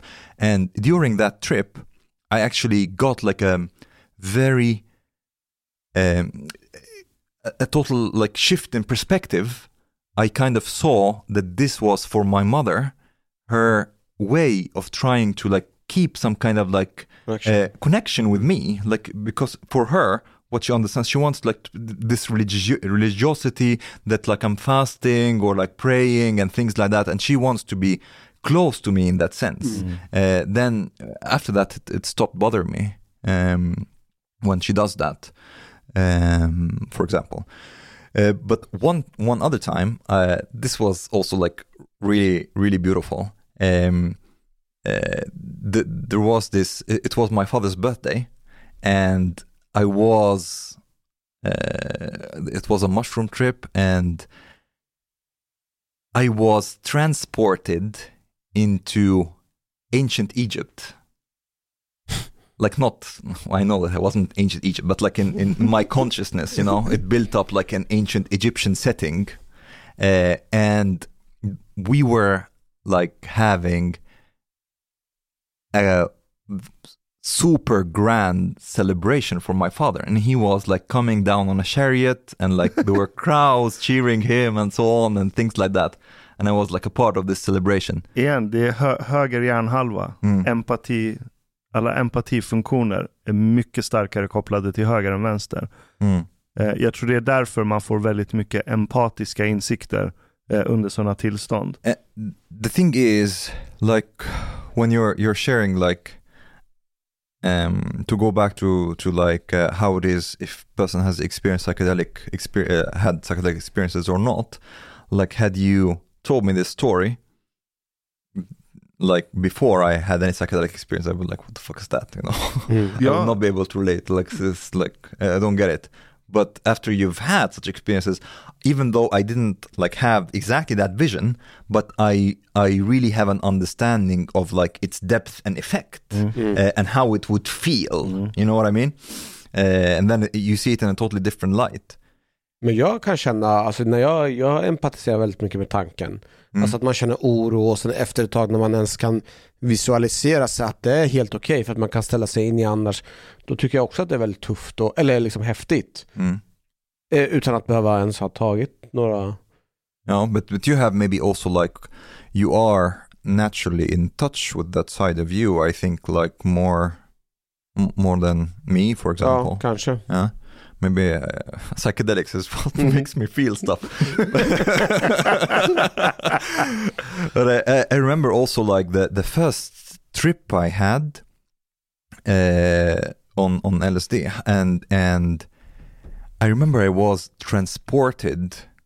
Again, when I say transported, I don't mean that I was there, but like my my mind uh, put me in that place um, in some kind of like near ancient near east setting uh, very religious. Like it, it felt like i was like somewhere in assyria or something like that. And i saw this creature that it like he felt like god. He felt like a dragon. He did not look like a dragon at all but he felt like a dragon. And he felt like this an incarnation of power and and and and grace and will something like really majestic and i can totally see how somebody like especially like in ancient times taking a psychedelic and having this vision and uh, they are like okay there is a god there is this dragon i'm going to build a dragon temple and sacrifice virgins for i saw him. Because it's like so real like you, you really feel like you he was there you were there and you had this vision. Och de hade mycket rikare bildliv då tror jag. För de hade ju mycket mer, ja men deras mytologier, de tog ju dem mycket mer bokstavligt tror jag. Mm. Och trodde på dem på ett helt annat sätt. Och varje kväll när de samlades och berättade sagor, de hade ju mycket mindre distinktion mellan verklighet och mytologi. Så de, hade ju, Mm. de hade ju mycket mer mytologisk content, innehåll att ta del av när de hamnade i psykedeliska tillstånd. ja Så jag tror deras trippar var mycket vildare. Yeah, epic, Ja. epic Ja, trips ja, ja. probably. Jag really tänkte om de skulle gå ut i krig. Mhm. Har, Yeah. har ni sett The Northman? Nej. Vikingafilmen? No. Nej, jag hörde att den ska vara bra. Alltså sant? kolla, först när jag såg den, jag såg den med min tjej. Först när vi såg den, jag var helt inne i den. Jag var helt fastklistrad. Och det är en väldigt skum film. Alltså väldigt, väldigt skum. I det att dialogerna verkar töntiga. Dialogerna känns väldigt orealistiska. Det är mer sagolikt än att det är en klassisk liksom västerländsk film med ett narrativ. Mm. Det är väldigt sagolikt, extremt flummig. Men jag var helt tagen av den medan jag tittade. Sen när vi diskuterade den efteråt, då blev jag så här, fan. Den var jävligt flummig, den var töntig. Den var överdriven, de borde inte gjort så här, de borde Mm. inte gjort så här. Så då började jag ogilla den. Men sen efter ett tag så började jag gilla den igen. För jag insåg att man ska inte gå in i den filmen i, ja, men med den klassiska glasögonen man har på sig när man tittar på en film. För han som har gjort filmen, ehm, fan jag har glömt vad han heter. Han har gjort en annan film som heter The Witch. Mhm. Det är en psykologisk thriller slash skräck som handlar om ja, men 1700-1800-talet, eh, Storbritannien tror jag. Eh, där häxor var en stor grej. Eh, sjukt creepy. Och sen har han gjort en till film som heter The Lighthouse. Heter han Robert Eggers? Eller? Yes, yes, det är han. Eh, och han är tydligen skitsvår att ha att göra med. Han är riktigt sån här perfektionist, Lighthouse nästan was an manisk. interesting movie. Vad sa du? Lighthouse was an interesting Har du sett den? Ja. Det är med Willem Dafoe Ja. och han Pattinson. Ja, it's a bit creepy but like... Den är sjukt creepy. ja. Men du, vart ser man The Northman då? Är det också på Netflix eller? Den gick på bio, jag tror inte den går på bio längre. Ah, okej. Så den, den borde nog gå typ hyra på Mm. Apple TV eller någonting. Men i den filmen i alla fall så finns det en shaman. Så de har med shamanistiska ritualerna och de har med deras flugsvampsritualer. Som de gjorde eh, innan de gick ut i krig. Yeah, I can understand that. It can like really switch off like sometimes this can be also un- unpredictable at times. Like each trip can be totally different and you don't really have control that much control over uh, how how it will go. Nej. You can have like varying degrees of, of control. Men man är hela tiden medveten om att man är under en tripp. Eller jag är det i alla fall. Dep- oh, yeah. Also depends on the dose and it depends also on what kind of like if you want to have like a, an outward experience or an inward experience. I tend to quite often want to have an inward experience. Yeah, Mm. So I want to just like dive into my mind, Mm. my consciousness and see what I can see. Jag har alltid ögonbindel. Mhm. How did that? Ja. Okay. Well, I I I could go and just like you know lie down in bed or on a couch or something and just relax and almost like I'm getting into a dream state Mm. in a sense, uh, and then you you can get lost a little bit. Then, Man kan bli lost. mm. Men så fort jag tar upp ögonbinden ah, absolut, och ser min ö- omgivning. Så Absolut. blir det så här, okej, allting är kvar. absolut. This is just a state of mind. Yes, Och sen back Ja. in. exactly. Uh, so in that sense, yes. I'm like rewatching some of um, the older movies, and I was watching The Godfather. Mhm. Den filmen, den är briljant. I don't rewatch movies uh, generally, nej, nej. but I, I I'm like revisiting movies that I've uh, seen for more than ten years ago. Mm. Håller den fortfarande? Godfather. Godfather, shit. But I was thinking about something else, about how old movies reflect on our current culture compared to how the culture was before when it comes to the pace Mhm. of how things were Mhm. played out. Everything in The Godfathers, like, it's super slow, you know? They let everything take its time. They were like, for example, having that meeting in the restaurant. The waiter came. He was opening like the a bottle of wine, and it took time for him to open the bottle of wine. And they paused the conversation, and they were looking at the waiter like opening the bottle of wine, and and it seems totally normal, and something about it that's even appealing, relaxing in a sense. There's something real, uh, a narrative that is unfolding. But right now, if you look at the movies, they have to be like super stressful because we have a so- TikTok. Ah, we have a super short attention span, span so they're like it's like almost like all movies, not not just thriller movies. All movies have to be thrillers.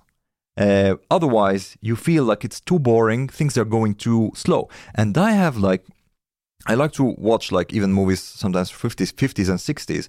And I've been like with people who are not used to like watching these kind of movies. And for them, they are boring because to them they see that nothing is happening. It's almost like a movie in slow motion, and they can't just like hold their attention and appreciate uh, the, the movie just like at, at a normal pace. And it made me think about how fast paced our culture is actually, and how much we our attention has been shattered in a sense with all the social media, the clicks, and and and so on. And it made me also think about my own attention, how I feel that my own attention has been like really scattered. I don't feel myself present very often. uh, I feel like constantly distracted to the extent that I'm thinking like, huh, do I have like ADHD or something that I'm not able to focus? It feels like I really can't hold my attention anymore. Um, and it's difficult to say how much of this has to do with the, our pace of life and something else, the oversaturation, like how our minds are oversaturated with information and data. I, I remember as a child, I used to have like, um, I had subscriptions to like various magazines, like science and politics and different stuff, you know. And, but, but it was like maybe two magazines or something that come per week. And I used to like really devour them, every single piece of information. And like, um, they had like these things that you can cut out, and I used to like sort them out in like um, certain albums by categories and things like that. And I used to really enjoy it, yeah. Och så hur gammal var du då? Uh, kanske 9, 10, någonting sånt. Är det sant? Mm. Mhm. Fan jag Eh. samlar på fotbollsbilder då. uh, uh, and and I really used to like almost get really abs- uh, like I used to get really absorbed in that. But right now, uh, then I had like a a limited supply of data and information. There was just two magazines that were coming that I could like suck them out. Right now, I'm connecting my brain to the internet, and there is like an infinite amount of data that my brain can absorb. And it's almost that I'm connecting to the internet and my brain is getting extremely oversaturated. I get into rabbit hole after rabbit hole. Um, and like, I keep like, you know, wondering about like random stuff. Um, whatever. Like, I, I can think of a thought. It's like, hey, let's look this up and I go from that and I start to look statistics and I start to look history and stuff and then okay that's one hour and then I start to think a little bit about that and then okay another thought and so on and like all the time um, and I think in a way this this like really exhausting uh, I don't know if we're, we're we were supposed to like really handle this infinite flow of information Sensory overload. yes Jag tror inte det är en slump att schizofreni manifesteras i människor som bor i storstäder. Mhm. Hmm. Du behöver sensory overload för att ditt anlag för schizofreni ska aktiveras. really Och så flippar ur. Yes. huh. intressant Och då är frågan, vad gör en sån här sorts informationell sensory overload med våra hjärnor? ja. Och vad är de långsiktiga effekterna av det? ja Och det vet vi inte än. nej Och det är där Marshall McLuhan var så profetisk. The medium is the message. Mm. Det är inte innehållet i mediet som påverkar oss, det är mediets natur själv. Mm. Så alla medier blir som en sorts ny miljö för oss. Och jag tror alla är överens om att en miljö påverkar hur vi beter oss. Och vilken kultur vi skapar. Om vi bor i en miljö i skogen där vi är omringade av massa floder, det kommer radikalt påverka vår kultur, vår mytologi, alltihopa. Hur vi beter oss, hur vi lär oss att gå, hur vi lär oss att springa, alla de här sakerna. Eh, och det påverkar ju vilka egenskaper av oss som förstärks, vilka som trycks ner. Och miljön vi är i nu, den är jävligt sjuk. Precis som du skriver, det är konstant sensory overload hela tiden. Så effekten av miljön som vi kallar för internet, det är short attention span. right Och vi totalt tappar förmågan att bilda djupa associationsbanor mellan saker och ting. Vilket i grunden egentligen påverkar vår kapacitet till att uppnå visdom. Mhm, På vilket sätt? Ah, because you don't never get that deep. Or? Vi, vi, har inga, vi har jättesvårt för att bilda djupa associationsbanor. Mm. När du hela tiden blir bombarderad med information. And I wonder also like that I don't have like really anything anything to support um, this this theory, but I wonder like if it can also damage creativity to some extent, because I noticed like I always have like some like um, audiobook or podcast or something like that. Like I never have a, a quiet moment or like very very little, but I recently I'm trying to do that, and it's almost interesting that then you can observe the flow of your inner thoughts and uh, thoughts arise about things that yeah somewhat important in your life maybe that you haven't been paying attention to because there's always this like input of information inflow like flow of information that's getting to your brain the whole time it's not really giving you enough time to process uh, or even like focus on your own kind of thoughts Kreativitet, det är ju när du hamnar i en state of flow. Mm. Kommer ni ihåg senast ni hamnade i en state of flow? När tiden upphör att existera, allt i er omgivning upphör att existera förutom den syssla ni håller på med för stunden. Har ni upplevt det någon gång? ja, Ja. ja. but I- Typ som exempel, Mm. när jag höll på med musik. mm, Ibland när jag kom något intressant på spåren. Så shit, det här lät skitnice.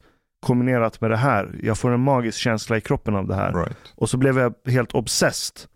Och inom förloppet av, jag kunde sitta nio timmar i sträck. Jag blev inte hungrig, jag tänkte inte på tid, jag behövde inte gå på toaletten, ingenting. Nio timmar i sträck satt jag utan att ens tänka. Jag var inte ens medveten om vad jag höll på med. Det är som att min kropp höll på automatiskt att forma och bygga och konstruera den här lilla saken. Och sen pang, inom förloppet av en session så hade jag en hel låt färdig. mm, Och det är som att, och det låter flummigt, men det är som att det var inte jag som byggde låten. Det är som att någonting utifrån. av sig självt. Ja, det, det är som att jag bara kanaliserade. Jag var bara ett vessel. verktyg. Vad sa du? the vessel Ja, exakt. Jag var bara ett verktyg för externa krafter. För att konstruera och skulptera den här saken. Mm. Där har du state of flow.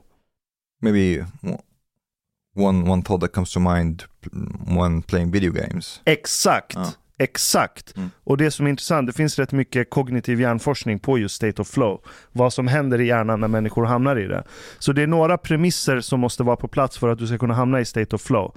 Det ska vara en uppgift som är utmanande, men den ska vara precis lite mer utmanande än vad du klarar av. Så du blir tvungen att använda alla dina kognitiva fakulteter för att attackera det här problemet. Men det måste vara tillräckligt enkelt så att du hela tiden känner att du kommer vidare. Mm. Och när du får igång den här cykeln, det är lite utmanande, men du kommer vidare. Du klarar nästa utmaning, du klarar nästa utmaning. Då hamnar din hjärna i state of flow. Mm. Och det är en ganska beroendeframkallande stadie att befinna sig i. Och den är generellt sett positiv att hamna i. Men det är det Because riktigt... your default mode network is switched off at the time. Vad or like very-? And the default mode network is basically Är det thinking fast, thinking slow? uh, no, it's like um, it's the state of your brain when you don't have anything to do. The, it in, like there is a certain like uh the activity in the default mode network increases, uh, and this is something that meditation, for example, decreases. Mhm. um, and also when you have a state of flow your default mode network also decreases and and the default mode network is is coupled by some to actually unhealth to, to be an unhealthy state of mind like the wandering Huh. mind especially since you have like a very a lot of uh, like um, um, r- repetitive thoughts and like um, um, oh you, you're not like really in the present you start to like think about the past things that you have done maybe Uh-huh. and like so on or like worries about the future anxiety all this like actually has to do with the default mode network supposedly Ja men det makes sense. För Mm. när du är i state of flow, du tänker inte på någonting Exakt. överhuvudtaget. Mm. Mer eller mindre. mm. Och, och det är exakt som du säger, just tv-spel. De mest beroendeframkallande tv-spelen, de sätter i en state of flow. Mm. Det är World of utmanande. Warcraft. World of Warcraft, Ja. definitivt. Mm. Definitivt. Så det är en konstant utmaning, men den är tillräckligt enkel för att du hela tiden ska känna progress. Och så hamnar du i det tillståndet. Mm. Nackdelen med tv-spel är att du Man får inte ut... Nej, du konsumerar, du producerar ingenting egentligen. Som du kan titta tillbaka till sen. Mm. Men också en intressant koppling det är att människor, ju oftare en människa hamnar i state of flow, desto mer känner den att det finns en mening med livet. right hmm. intressant Ja, jag har läst en bok om det, jag har glömt bort, det var någon forskare på det. Ehm, det finns en YouTube-serie som heter Awakening from the Meaning Crisis. Mhm. Som är skapad, det är en serie av 55 föreläsningar. Där varje föreläsning är en timme lång. Oh, Och det är en, eh, det är en hjärnforskare eh, på universitetet i Toronto, John Vervaeke heter han. Eh, men det är så jävla snyggt gjort. För man ser att det finns ingen publik i salen när han står och föreläser. Men han står framför där vid katedern och låtsas titta ut på publiken, men Mm. det är ingen som sitter där. Oh. Mm. Men han är fan en av de bästa pedagoger jag någonsin har sett. Mm. För han, han kan bli så här, han kan höja rösten och bli arg när han blir passionerad kring någonting han försöker förklara. Men samtidigt som han förklarar allting snyggt så ritar han på tavlan och försöker visualisera alla tankarna. Så vad han gör det är att han går igenom från ja, men cirka 500 år före Kristus vilka idéer och tankar som präglade västerländsk kultur. Och så börjar han där. Han börjar med Plato och Aristoteles och så slutar han med typ Freud och Erich Fromm och upplysning och hela moderniteten. Men, men han gör det genom hjärnforskning Mhm. som röd tråd. Shit, intressant. Så han förklarar hur de här olika idétraditionerna påverkar oss rent kognitivt. Eh, och mycket i början handlar om just shamanism. Vad har vi för hjärnforskning som förklarar varför de mänskliga grupper som överlevde var människor, grupper som hade shamaner. Grupper som inte hade shamaner, de dog, de dog ut. Eh, vad säger hjärnforskningen om det? Varför behöver vi shamaner? Och så från det kommer han till till exempel state of flow. Och så förklarar han vad state of flow gör med oss människor. Och så förklarar han vilka idétraditioner som lyfte state of flow som någonting viktigt du behöver ha. Det är någonting som österländska idétraditioner tog med sig väldigt mycket. Men vi i väst har lämnat det ganska mycket. Om du tittar på hur en västerländsk persons liv ser ut idag. Det finns väldigt lite utrymme för state of flow. Förutom när du är barn. För så fort du sätts i, okej i skolan kan du hamna i det stadiet. Om det är något eh, ämne du tycker om, säg att det är matematik. Och så sitter du och håller på med matematikboken. Och där kan du väldigt snabbt hamna i en state of flow.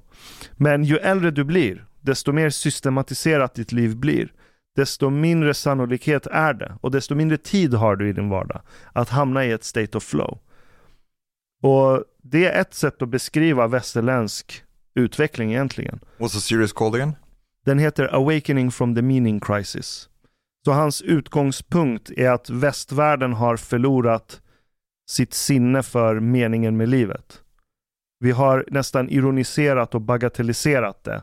Eller så har vi byggt upp en så här självförverkligande kult istället. Som vi har gjort till meningen med livet. Men är det inte olika, jag tänker på just om man jobbar inom kultursektorn och jobbar som konstnär och så. De har väl lättare att vara... Konstnären hamnar ju i state of flow. Mm. Eh, om det är en konst du håller på med där du skapar någonting eh, som är utmanande. Mm. Absolut. Så musikern tenderar att hamna i state Mm. of flow. What about like uh, scientists or? Eh, jag kommer ihåg från mina dagar när jag doktorerade, hamna i state of flow. När jag satt och brottades med ett problem och försökte lista ut vad fan som har hänt. Och så satt jag där med så här data, grafer, siffror, försökte koppla ihop.